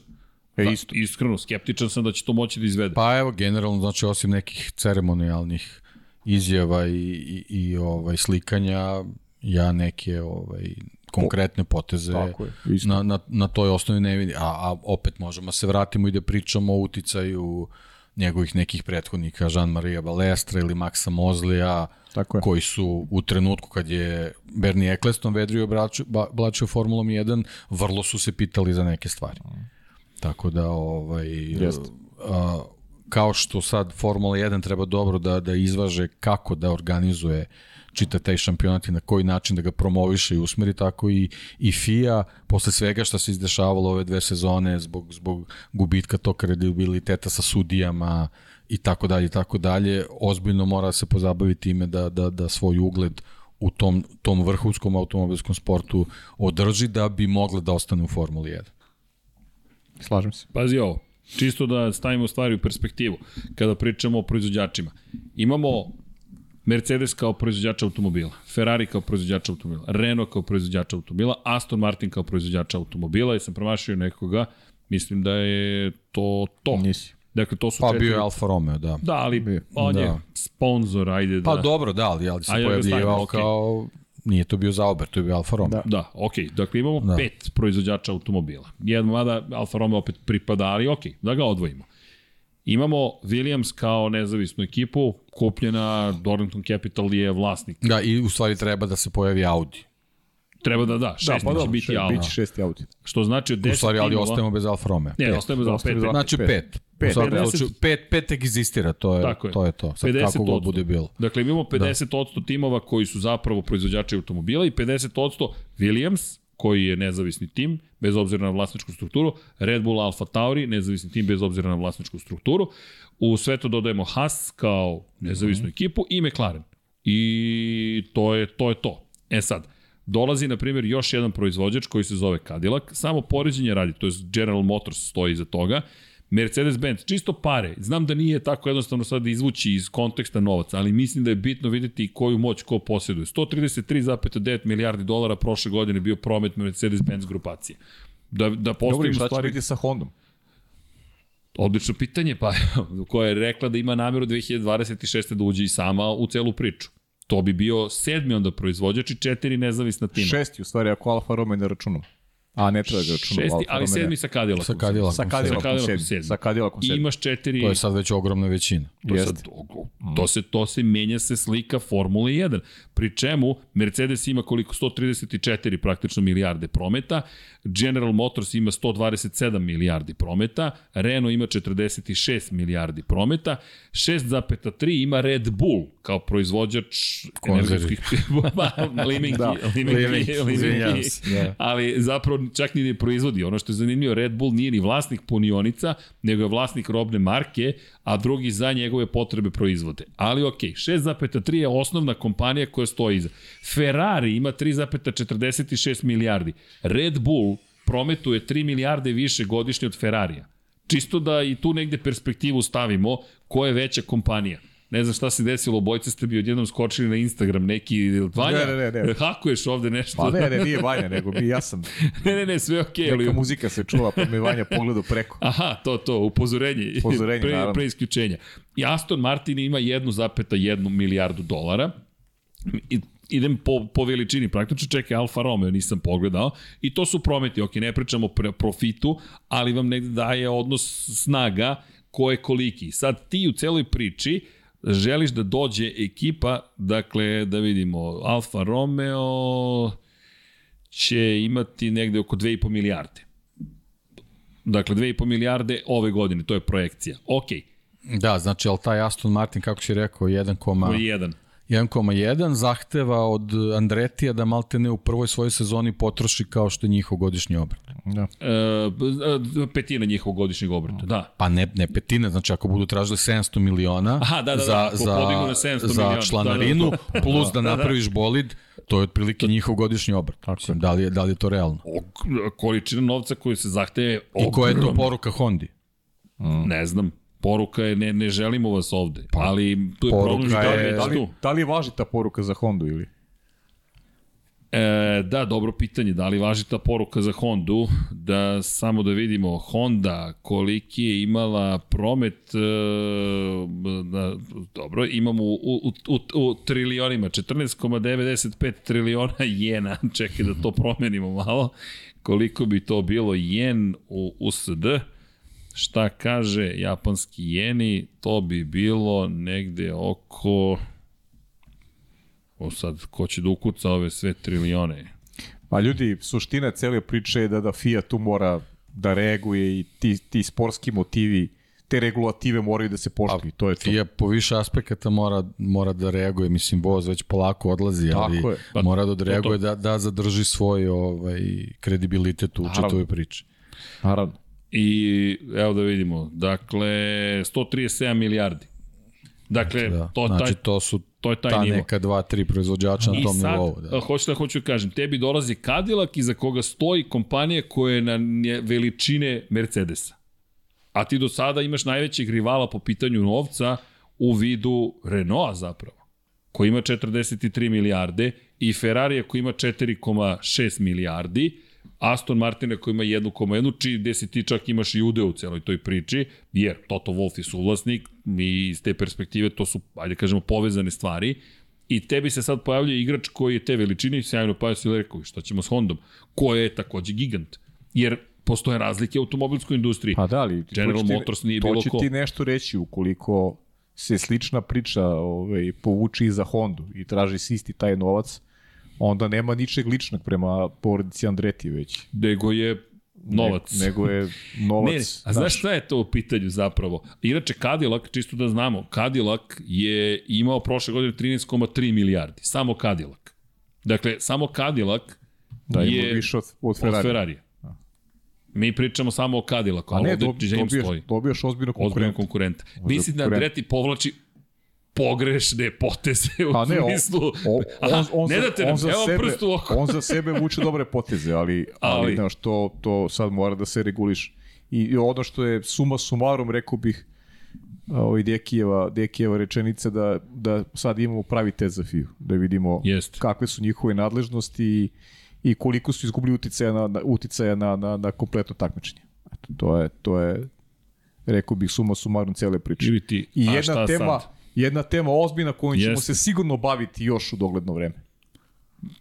Ja mislim da ovo tek početak, da je ovo A za, da. za dobro, Pa ne, za novu je- godinu. Ovo Pa dobro, ovo su samo neke poruke Ovo su naznake kako samo, ko treba da. da, da odreaguje u ovoj situaciji. Tako je, ovo su samo naznake. Igra Jer se generalno, generalno taj Andreti Kadidak projekat je jako daleko od ulaska u Formuli 1, ali Jeste, je dobro jeste, što se ima- pojavio baš zbog toga što se šalju te poruke raznim strukturama ovaj, koje moraju da odreaguju na način kako se od njih očekuje. Da, iz perspektive tehnike, velik put svakako, pogotovo za ekipu koja uopšte ne postoji, mada uz iskustva koje posjeduju, verujem da će lakše Ne, neke ne, stvari mislim da je, da je mnogo lakše, kažem, po- posebno zbog tih nekih iskustava koje Cadillac tek treba da stekne u, Tako je. u, u 24 sata Le Mana i tom endurance programu, mislim, naravno, njima su tu već Pa- trke u Daytoni i, i prisutni i tako dalje i tako dalje, ali, ali, ali uh, nije jednostavno napraviti taj te tehnološki i, i tu tehnološku promenu samo što će u njihovom slučaju biti mnogo lakše zato što će obe strane da imaju iskustvo. Teki poređenje samo sa Ginom Tako je, Hasom. tako je, Šta tako je on uradio pa, upravo to, prilikom ulaska u to. Formulu 1? Pa vrlo brzo se snašao. Neko ko, imao, ko nije imao tu vrstu podrške. Tako je. Da, i, Mnogo će lakše biti Andretiju i Ka- i Cadillacu da naprave da Pa naprave kažem, ja, ja mislim da, da. Andreti u ovoj četoj priči u stvari gleda, gleda mustru koju Zach Brown postavio. Jer Pa, to je u principu da, ta, taj to. način poslovanja. Paralelno u više šampionata, što u Americi, što u Formuli 1. Da, Andretti, inače u intervju za Forbes koji je prenao Autosport rekao da po njegovom mišljenju manje više se poklapaju stvari, da je u pitanju pohlepa. I Jednostavno i da timovi vode računa samo o sebi, ne o budućnosti celokupnog sporta, a da Ben Sulaim zapravo razmišlja o sportu, da, mu je to, da su prioriteti to suprotno postavljeni. Pa, u, I to možemo se složimo sa Andretim. to, to je njegovo viđenje stvari. I kreće politička bitka, jer ovo je sada politička bitka. I, a s druge strane, ako GM je zaista rešio, a po izjavama koje dolaze iz Sjedinjenih američkih država, je da morate, da li znate zaš, e, zašto se zove Cadillac inače? Pa se ovo, osnivač Detroita. Čisto paja, pošto po čovjek prati Detroit. Da, ja sam, ja sam Red Wings i Pistons. I, pa sad si Lionsi, čekaj, čak si ti To zapratio si ti. malo NFL. Da, ču, čitao sam nešto pa sam ti rekao ovaj, šta sam pročitao, ali Da, bi, čestitam na pobedi nad Green Bayom, je- njih, njima niste dali u playoff, vi niste ušli, ali okej. Čisto kad smo kod Cadillaca i Detroita, da li se to Detroit vraća na velika vrata? Pa ima veze sa tim, sigurno. Pazi, nije... Sa nije ekonomijom znamo kako je Nije posrnula ta autoindustrija Ma, samo sa ekonomijom ima veze. Tako je, kako Oni je sad traže posrnula način da, da, autoindustrija. sebi urade promociju. Da, i to ozbiljnu promociju, jer evo, opet, ponovit ću koliko... Detroit je imao trku Formula 1. Jeste. Da, da. Detroit yes. Grand Prix. I nije uopšte bilo loša trka. Naprotiv, bilo je vrlo interesantno. Oko zgrade GM. Pa Detroit je umro kao grad. Po Da, jednom da, da, trenutku odavno. prestao da postoji, da, da. Pa Da, bukvalno. da, da. Sa, sa, sa, sa raspadom autoindustrije, bukvalno. Da, umro pokušavaju da ga ož- ožive nekako. Pa Ima Ford i. GM, to su, to su ključni, to, da. ključni faktori cele priče. Da, Ford koji inače takođe na tom nivou 130 i nešto milijardi, od kojeg smo zapravo očekivali da će ući u Formulu 1 pre nego GM, jer GM nikada nije bio u Formuli 1 I iz te perspektive moramo da kažem, ok, logično zvuči, čekaj, nikad niste išli, ušli u Formulu 1, niste imali sar, saradnika s kojim ste radili u okviru Formule 1, kako ćete vi sad da stvorite tako sofisticirani pogon, tako sofisticiranu pogonsku jedinicu? Da, Ford se generalno čutao, mislim, ali ja mislim da je samo pitanje vremena i da bi taj ulazak Kadilaka ovaj, u Formulu Pokrenuo 1, stvari. mislim da bi pokrenuo stvari. Jedan što se tiče Forda. Jer vidi, to apsolutno... Jel evo sad imamo trenutno, izvini, u, u VRC-u koji kreće za, za, za, za par dana, ostali smo i dalje na tri proizvođača, Toyota ima tri automobila, Hyundai ima tri automobila, a M Sport, Ford. Malcolma Wilsona koji Ford ima dva. Čak nemaju ni treći automobil. Da. Tako da ne može Ford da ostane na tom nivou, niti može da, da ostane bez odgovora ako, ako Cadillac potvrdi prisustvo u, u Formuli 1, posebno što će biti u ovim trkama izdržljivosti koje stalno spominjem. Jednostavno, na tom niko, njihovom, da to nazovem lokalnom planu, to je tržištu Sjedinjenih država, ti jednostavno ne možeš da ostaneš bez tog vida promocije i Ford će morati u nekom trenutku da se probudi. Da, pa ti on, imaju i problem u Naskaru koliko se smanja broj proizvođača. Znači u lokalnom takmičenju. Imaš Ford, Chevrolet i imaš Toyota. Toyota. Toyota. Pri čemu da ne zaboravimo, Chevrolet je deo koga, to jest opet pričamo Tako je, o tako je. GM. Da, Tako je. opet GM. tako da, Znači da Ford, Chevrolet i, i, i, i Toyota. Samo Pri tom tri je. Chevrolet je, Chevrolet je i u trkama izdržljivosti u nižim kategorijama, jeste. u GT klasama. Ja. sa Corvettom koja je on, vrhunski pobednički automobil. Mislim, i, i, i Ford je tu, ali sa ovim ovaj, širenjem priče vezano za Cadillac, Ford jednostavno ne može da ostane samo tu.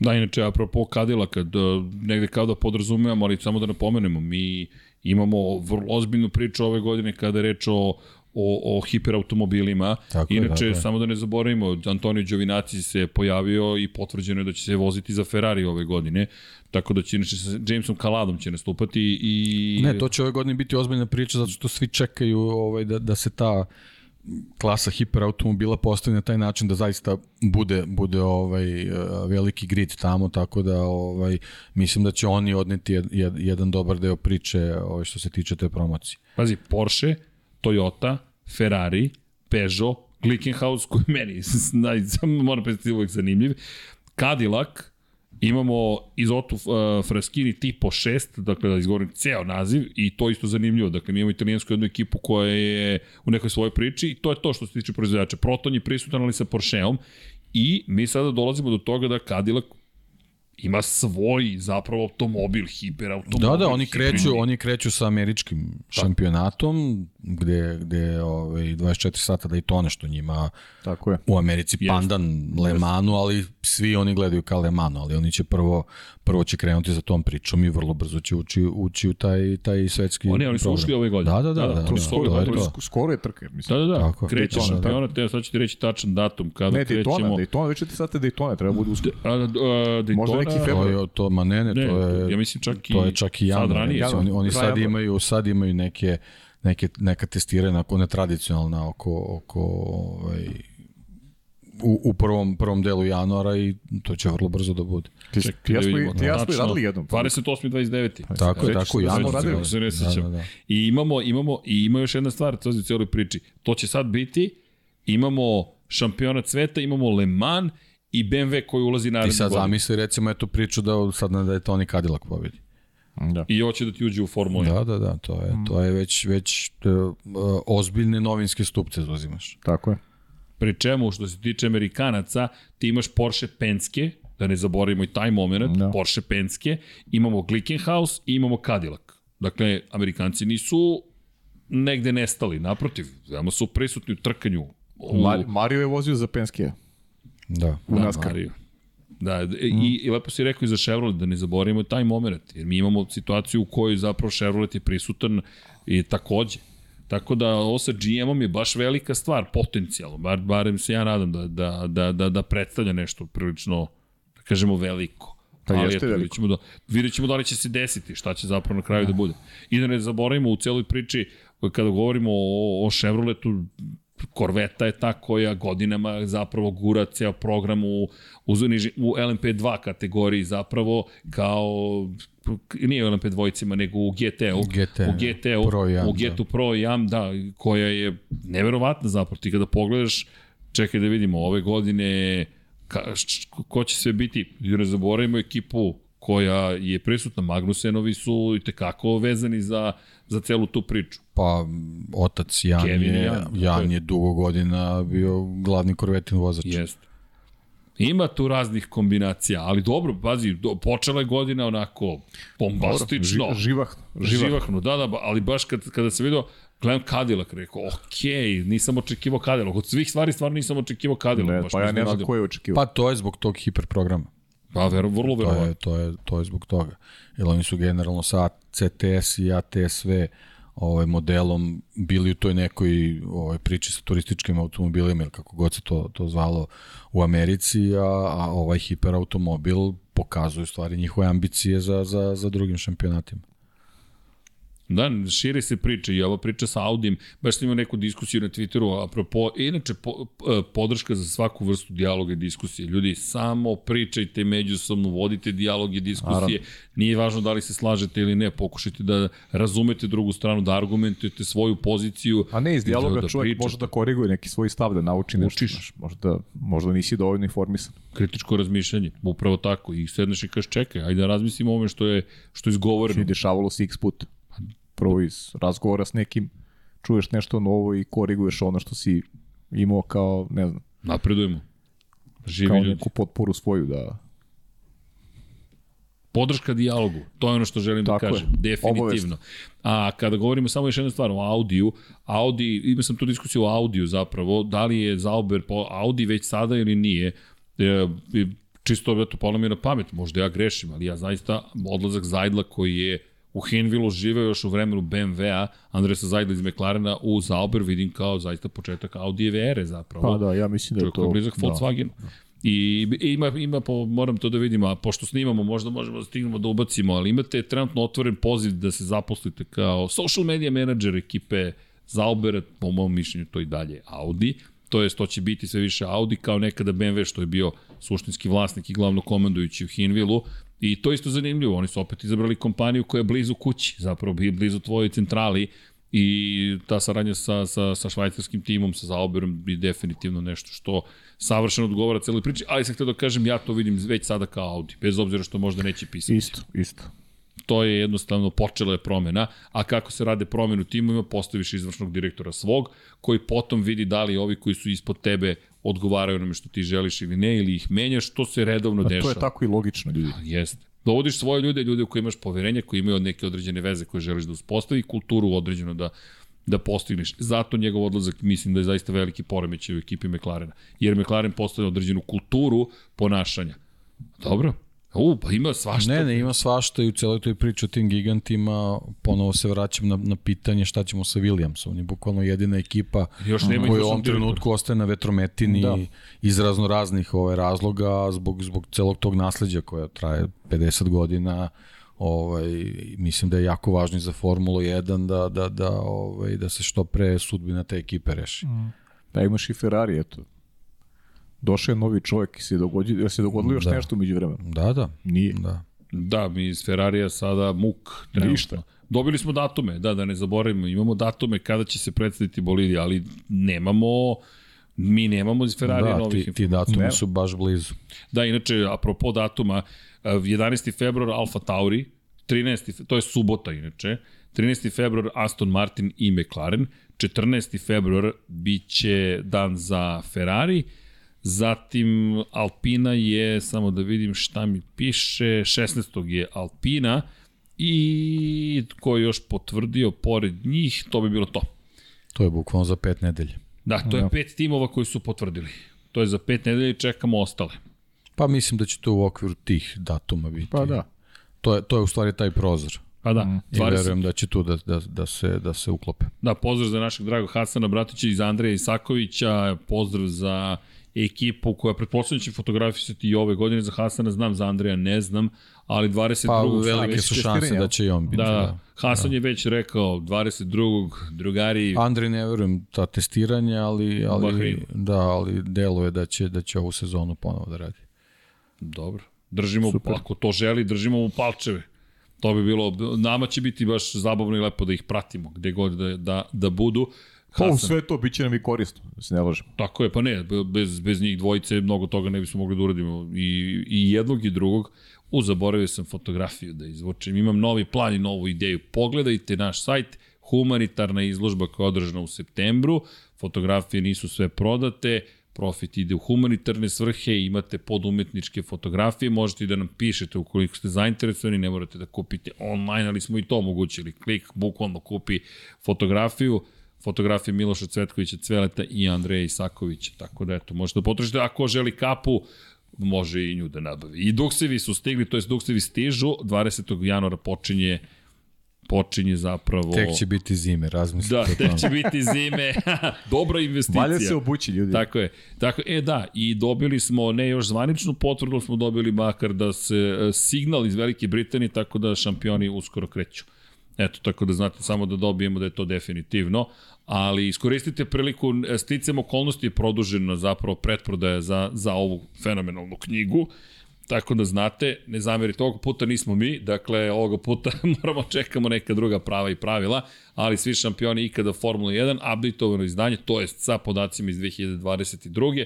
zajedno sa novim rekordima Maxa Verstappena na koliko strana već sam zaboravio koliko stranica imamo mi u ovoj knjizi, opa 244 pa eto ko želi da vidi kako izgledao put šampiona, ali nije to klasičan put, ovo su, ovo je pre svega monografija u kojoj pričamo o njihovim nekim dodatnim pričama i kratki portreti zapravo svakog šampiona, ali eto, da znate, još uvek možete da je kupite. U Vanja možemo da ubacimo špau, ako imaš još uvek. Kako, šta treba ubacimo? Špau, moram da počnem se bavim. Gla, pružen, kako? Staro je. Pusti vanje špau. Ništa, piši Peri, daj novo. Kao i nove Patreone. Pe, pero... Ima, imaš nove Patreone? Imaš... O, A vanje ozbiljan tip. Jel traje 7,5 minuta ili 5,5? Ne, nemoj sad da mi pustiš, čekaj, imamo još nekih tu stvari. Nemamo još mnogo tema, ali ili imamo još neke teme koje su vama zanimljive. Ja imam još samo par, ali... Znaš kako, ja ne mogu ni da ih otvaram, pravo Ne, ti kažem. a, a, da, vreme je da ideš. Vreme je pa, Pa da još ideš. malo, da. Da, ono što mi je bilo zanimljivo da je da se oglasila, eto, jedna od stvari u poslednjih vreme da se Renault već sada oglasio, baš uputio je poruku Međunarodnoj automobilskoj federaciji da se nada da će biti mnogo strožija po pitanju kontrole unapred, promjena na samim pogonskim jedinicama. I između ostalog, dakle, jedna od stvari o kojoj smo, smo pričali prošle godine, taj pristup Ferrarija koji je napravio motor koji je mnogo moćan, ali nije dovoljno izdrživ gde smeš da, po novom pravilniku, od kada su zamrznuti razvoji motora od 1. septembra prošle godine, da menjaš motor, delovima koji unapređuju zapravo pouzdanost. Ali u ovom slučaju direktno će to uticati zapravo na performanse. I ono što je Renault hoće je jednostavno da ne želi da dođe da, do toga da, pošto se u Ferrariju hvale da su zapravo pojačali motor tokom ove zime, kako ste ga pojačali ukoliko nema promena? Pa tako što smo zapravo ga učinili pouzdanijim i sada možemo da koristimo njegov pun potencijal. Tako da se Renault tu oglasio i Bruno Famin je, je rekao, Famen zapravo je rekao da, inače čovjek koji je zadužen za razvoj motora u Renault, da se nada da, do, da će biti bolje zapravo sprovođenju dele proces kontrole, da do sada to nisu baš radili na kako bi trebalo. Pa počinje i ta bitka već sada, da, ili ti zagrevanje je u toku i tako, ali pričat ćemo o promjenama u drugom podcastu koje nas čekaju u 2023. Ima, ima puno promjena, pričali smo o tome prošle godine, ali sada već dolaze na red i ta testiranja C1, C2, C3, to je tvrdih, srednje tvrdih i mekih guma u dve trke ove godine gde ćete u Q1 morati da koristite samo tvrde, u Q2 samo srednje tvrde, u Q3 samo meke, pa umesto 13 setova guma 11 setova guma i tako dalje. Ima baš promjena, imamo o čemu da pričamo, ali mislim da su ovo bile baš da, da najveća tema zapravo jesu bili Andretti i Cadillac, ali mi se sviđa što je zapravo Ken Block postao podjednako velika i važna tema nekako, nismo se ništa ni dogovarali, samo smo Pa da. rekli Ken Block. Razlozi nisu baš dobri, ovaj, Nisu. naprotiv, ali eto. ali to je takođe to je život. život. Bukvalno to je život i to je nešto što što pošto ne, ne moramo da prihvatimo, ali mislim da nemamo ni mnogo Pa, izbora mislim. u celoj priči. A mislim da sve treba da se, to je život, to treba prihvatiti. Pa ne možemo pobegnemo od toga. I, i Šta, ne suočimo se s nečim, Pa, pa se to neće desiti. Malo teže. Ali, dragi zmajevi, šta da vam kažem, zadovoljstvo je videti vas. Takođe, Deki je bio pričljiviji, šalim se naravno, Deki vraća nam se polako u hibernaciju, završio se. dobio završio boju, se dobio je boju. Tokom, tokom podcasta mu se vratila boja. Omiljena. Omiljena, da, omiljena. Njegova. Njegova, njegova. da, i ima još nekih tema, ali pa mora takođe, ti već sad krećeš na vaterpolo. Krećemo odmah, da, ja idem nešto ovaj, da, Da, da prezalogajem i imam dve vezane utakmice. pa evo, šta ti kažem, srećan rad, hoćeš da trčiš, a mi da završimo Ajde, deo završite, priče ja ću, o da. Patreonima, deki, Može, može. De, deki da ostaje da trpi, da sluša, gleda polako. Do, sa- sledeće nedelje možemo utorak ili, ili ne znam kako hoćete. Ja sam slobodan, ako ste raspoloženi da uradimo uživo. Dugo nismo bili s publikom uživo. Može, se mene tiče može. Deki ne znam da će moći. Pa dobro, vidjet ćemo, da. Da, Da, okej. De, de, tiče nas dvojice, eto, Ti, ja smo sigurica. Ali dobro. Čekaj, igra se Liga šampiona neka, nešto? Nema. Pa Moguće. ne znam, da, ne, nisam siguran da li kreće, čekaj da vidim. Ali Možda mislim kreće da, sledeće nedelje, da, bravo. Da, Vjerojatno, ne, sigurno onda Liverpool igra utorak. Ako je tako... Ili Pa igra- sve jedno je utorak ili sredo. Da, Ja. da, znam da ti Da. je sve jedno, ali utorak posebna, poseban bol. Samo da vidim šta kaže.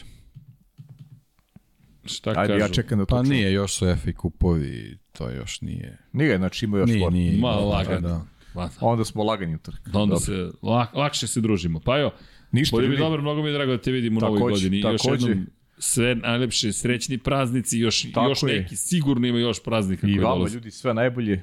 Da ste nam ovaj zdravi, srećni, veseli. I družimo se Udrite like. nedelje. Udrite like, tako je, što bi rekao Srki. Kažem ja. Jedan like za Paju. Jedan like, da.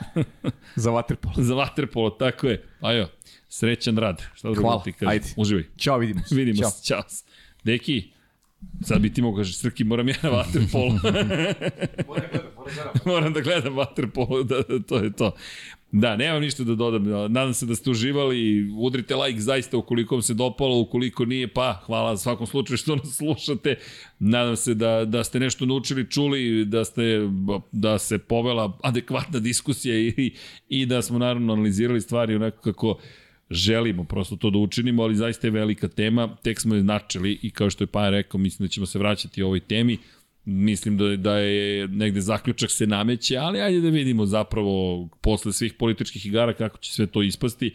2026. je i daleko, ali i tako blizu. I tako blizu je početak sezone 2023 za sve naše članove sa YouTube-a, hvala vam ljudi za podršku, sve Patreone takođe hvala za podršku i te kako nam znači.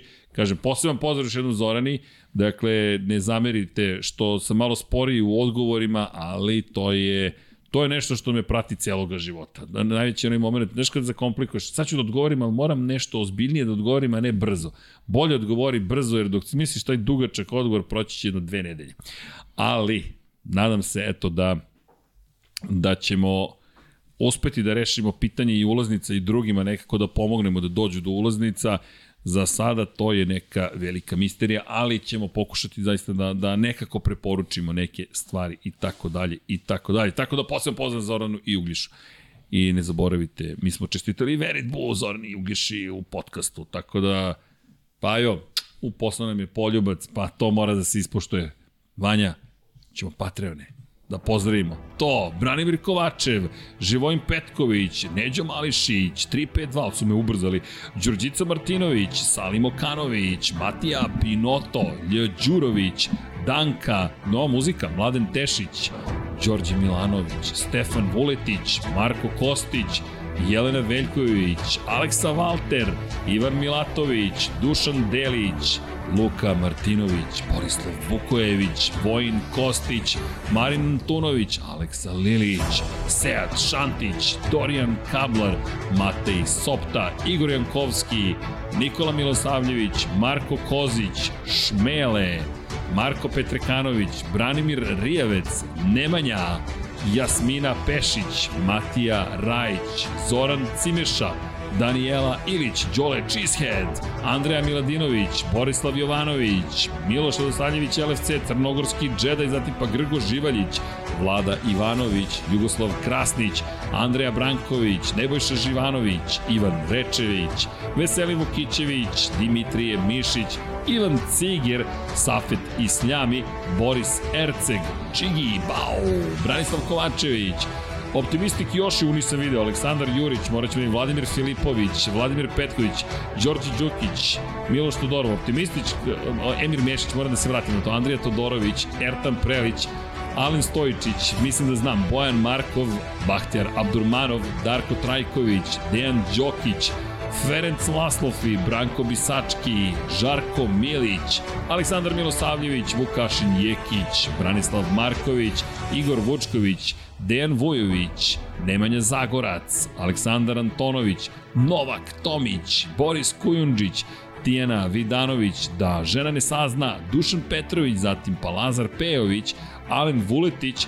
Zoran Majdov, Nikola Stojanović, Jasenko Samarđić, Bojan Majstorović, Antonio Novak, Stefan Milošević, Miroslav Cvetić, Đole Bronkos, Ognjen Marinković, Aleksandar, Nemanja Miloradović, Marina Mihajlović, Dušan Ristić, Miloš Vuletić, Luka Maritašević, Zorana Vidić, Marko Horg, Boris Golubar, Mirina Živković, Josip Kovačić, Andrej Božo, Boris Gvozden, Nenad Simić, Petar Relić, Bojan Mijatović, Milan Nešković, Borko Božunović, Marko Ćurčić, Mlađan Antić, Kristijan Šestak, Stefan Vidić, Ivan, Žorž, Luka Savović, Jelena Mak, Goša 46, Kovačević Omer, Monika Erceg, Nenad Đorđević, Nikola Božinović, Filip, Mihajlo Krgović, Đorđe Radojević, Predrag Simić, Ivan Simeunović, Anonimus Donatorus, Zoran Šalamun, Aleksa Vučaj, Miloš Banduka, Mario Vidović, Zoltan Mezeji, Stefan Lešnjak, Ivan Maksimović, Toni Ruščić, Anonimus Donatorus, Marko Bogavac, Nikola Grujičić, Marko Mostarac, Mladen Krstić, još jedan Anonimus Donatorus, Stefan Dulić, Ivan Toškov, Sava Dugi, Jelena Jeremić, Ozren Prpić, Nikola Niksi, Miloš Zed, LFC, Ljeljena Milutinović, Vukašin Vučenović, Tinstero, Resničanin, Aleksandar Kockar, Lav Lav, Veselin Vukićević, Koja 7, Almir Vuk, Igor Ilić, Vuk, još jedan Vuk, Đorđe Janjić, MS13, Drago Veković, korespondent, korespondent, Kosta Berić, Ivan Vincetić, Bojan Gitarić, Igor Ninić, Milan Bačić, Ivan Hornjak, Aleksandar Nikolić, Marko Bogavac, Nikor 24, Sejdo Mujičić, Aleksandar P, Toleador, DJ Regi, Uroš Ćosić, Marko Stojilković, Nikola Vulović, Nikola Božović, Ivana Vesković, Nemanja Bračko, Maksi, Mensur Kurtagić, Galeksić, Alen Jesenović, Uroš Čuturilo, Žarko Jovanović, Voča Pero, Vladan Đurić, Marakos, Zlatko Marić, Aleks Vulović, Milan Knežević, Nemanja Cimbaljević, Bojan Pejković, Petar Bjelić, Krorobi 00, Pavle Lukić, Milorad Reljić, Saša Stevanović, Toni Soni 76, Nikola Grđan, Miloš Tanimirović, Bakadu, Ivan Magdalenić, Ivan Vujasinović, Branislav Dević, Almedin Ahmetović, Marina, Nemanja Miloradović, Nikola Kojić, Vlada Ivanović, Oliver Nikolić, Jelena Jeremić, Anonimus Donatorus, Nemanja, Bojan Markov, to je za kraj, Bojan Markov i Optimistik Garbrand, kako? A, optimistic Josh Allen fan, to sam propustio. Nije više depressed, cold, uh, kako beše, Kobe, Cody Garbrandt fan. Prešli smo optimizam, jel čuješ neki? To je bre prava nova godina. Si mi ti dobro proveo praznike? Pa jes, jes. Mogu nešto ti kažem? Reci. Danas mi je prvi trening Moto3 klase. Mhm, mm sjajno. Počinjem sa... Nemoj tako da me motivišeš, molim te, coach. give me some life, give me some love. Ali za one koji ne znaju, sutra je podcast posvećen Moto Grand Prix-u. Imamo pregled Moto 2, Moto 3 sezone, još smo 2022. Nije da se tamo išta događa. Ali taman, međutim, događa se, počinju pripreme, obeća se deke da ću voziti od Moto trojki pa dok ne naučim da vozim verujte, nemamo pojma da vozimo zaista kada reč o motociklizmu. Izaći će Moto Grand Prix 2030 kada naučimo, ali... Hej. Samo, samo konzolu da ne promene. Ponovo. Ponovo. Mislim da je to veći problem. Nego, Bojim se deki da nam to sleduje gotovo sigurno. Pa dobro, da. Nema veze, vidiš da si Google ugura u konzole, Microsoft pokušava da, da kupi sve što može da se kupi. Imamo Sony, sve okej, okay. PC, mada i to zaključavaju polako. E, a velika pobeda, to nismo spomenuli, a nije nevažna, pravo na popravku je dobijeno u Sjedinim američkim državama, ne znam tačno u kojoj državi, vlasnici traktora John Deere su dobili pravo da popravljaju svoje traktore bez obaveze da idu u ovlašćene servise. Naravno, ne smeju da menjaju performanse ili da utiču na bezbednost samog vozila, ali to je bitka koja je dugo trajala i nije mala bitka, pošto smo došli do stadijuma da zapravo kada kupite nešto vi to rentate. Vi ne smete da otvorite, ne smete da pogledate manje više, ukoliko bilo što sami uradite, automatski je garancija poništena i to je bio veliki problem pošto nisu mogli da koriste servisere koji su neovlašćeni, već su morali da koriste isključivo servisere John Deere, sve ima svoje i pro i kontra, ali opet ako ste nešto kupili, trebalo bi da imate malo veće prava prema tome što je navodno u vašem vlasništvu. Inače, imate te probleme Apple Movies, niste nikada vlasnici filma. Ako Apple Movies izgubi prava da ima u svom katalogu određeni film, vi ga više nemate. Vi ga samo rentate trajno, dok, dok je u mogućnosti Apple da vam to streamuje. Mnogo rupa ima. Mnogo rupa ima, ali eto, velika pobeda za vlasnike četvorotočkaša u ovom slučaju, pa pozdrav za traktoraše sve i ovaj, želim da se, da želim da verujem da će se neki pak bitke po... Pozdrav je na ler po pun gas. Svi zajedno. Svi zajedno. I u to ime, šta da vam kažemo, pun gas i naravno, deki, E, Valja, gde nam je slika? Vidimo pa, se sutra. Vidi... Da. ne, ne, ne, ne, udri ga. Ćao svima, Ćao ljudi. Svima.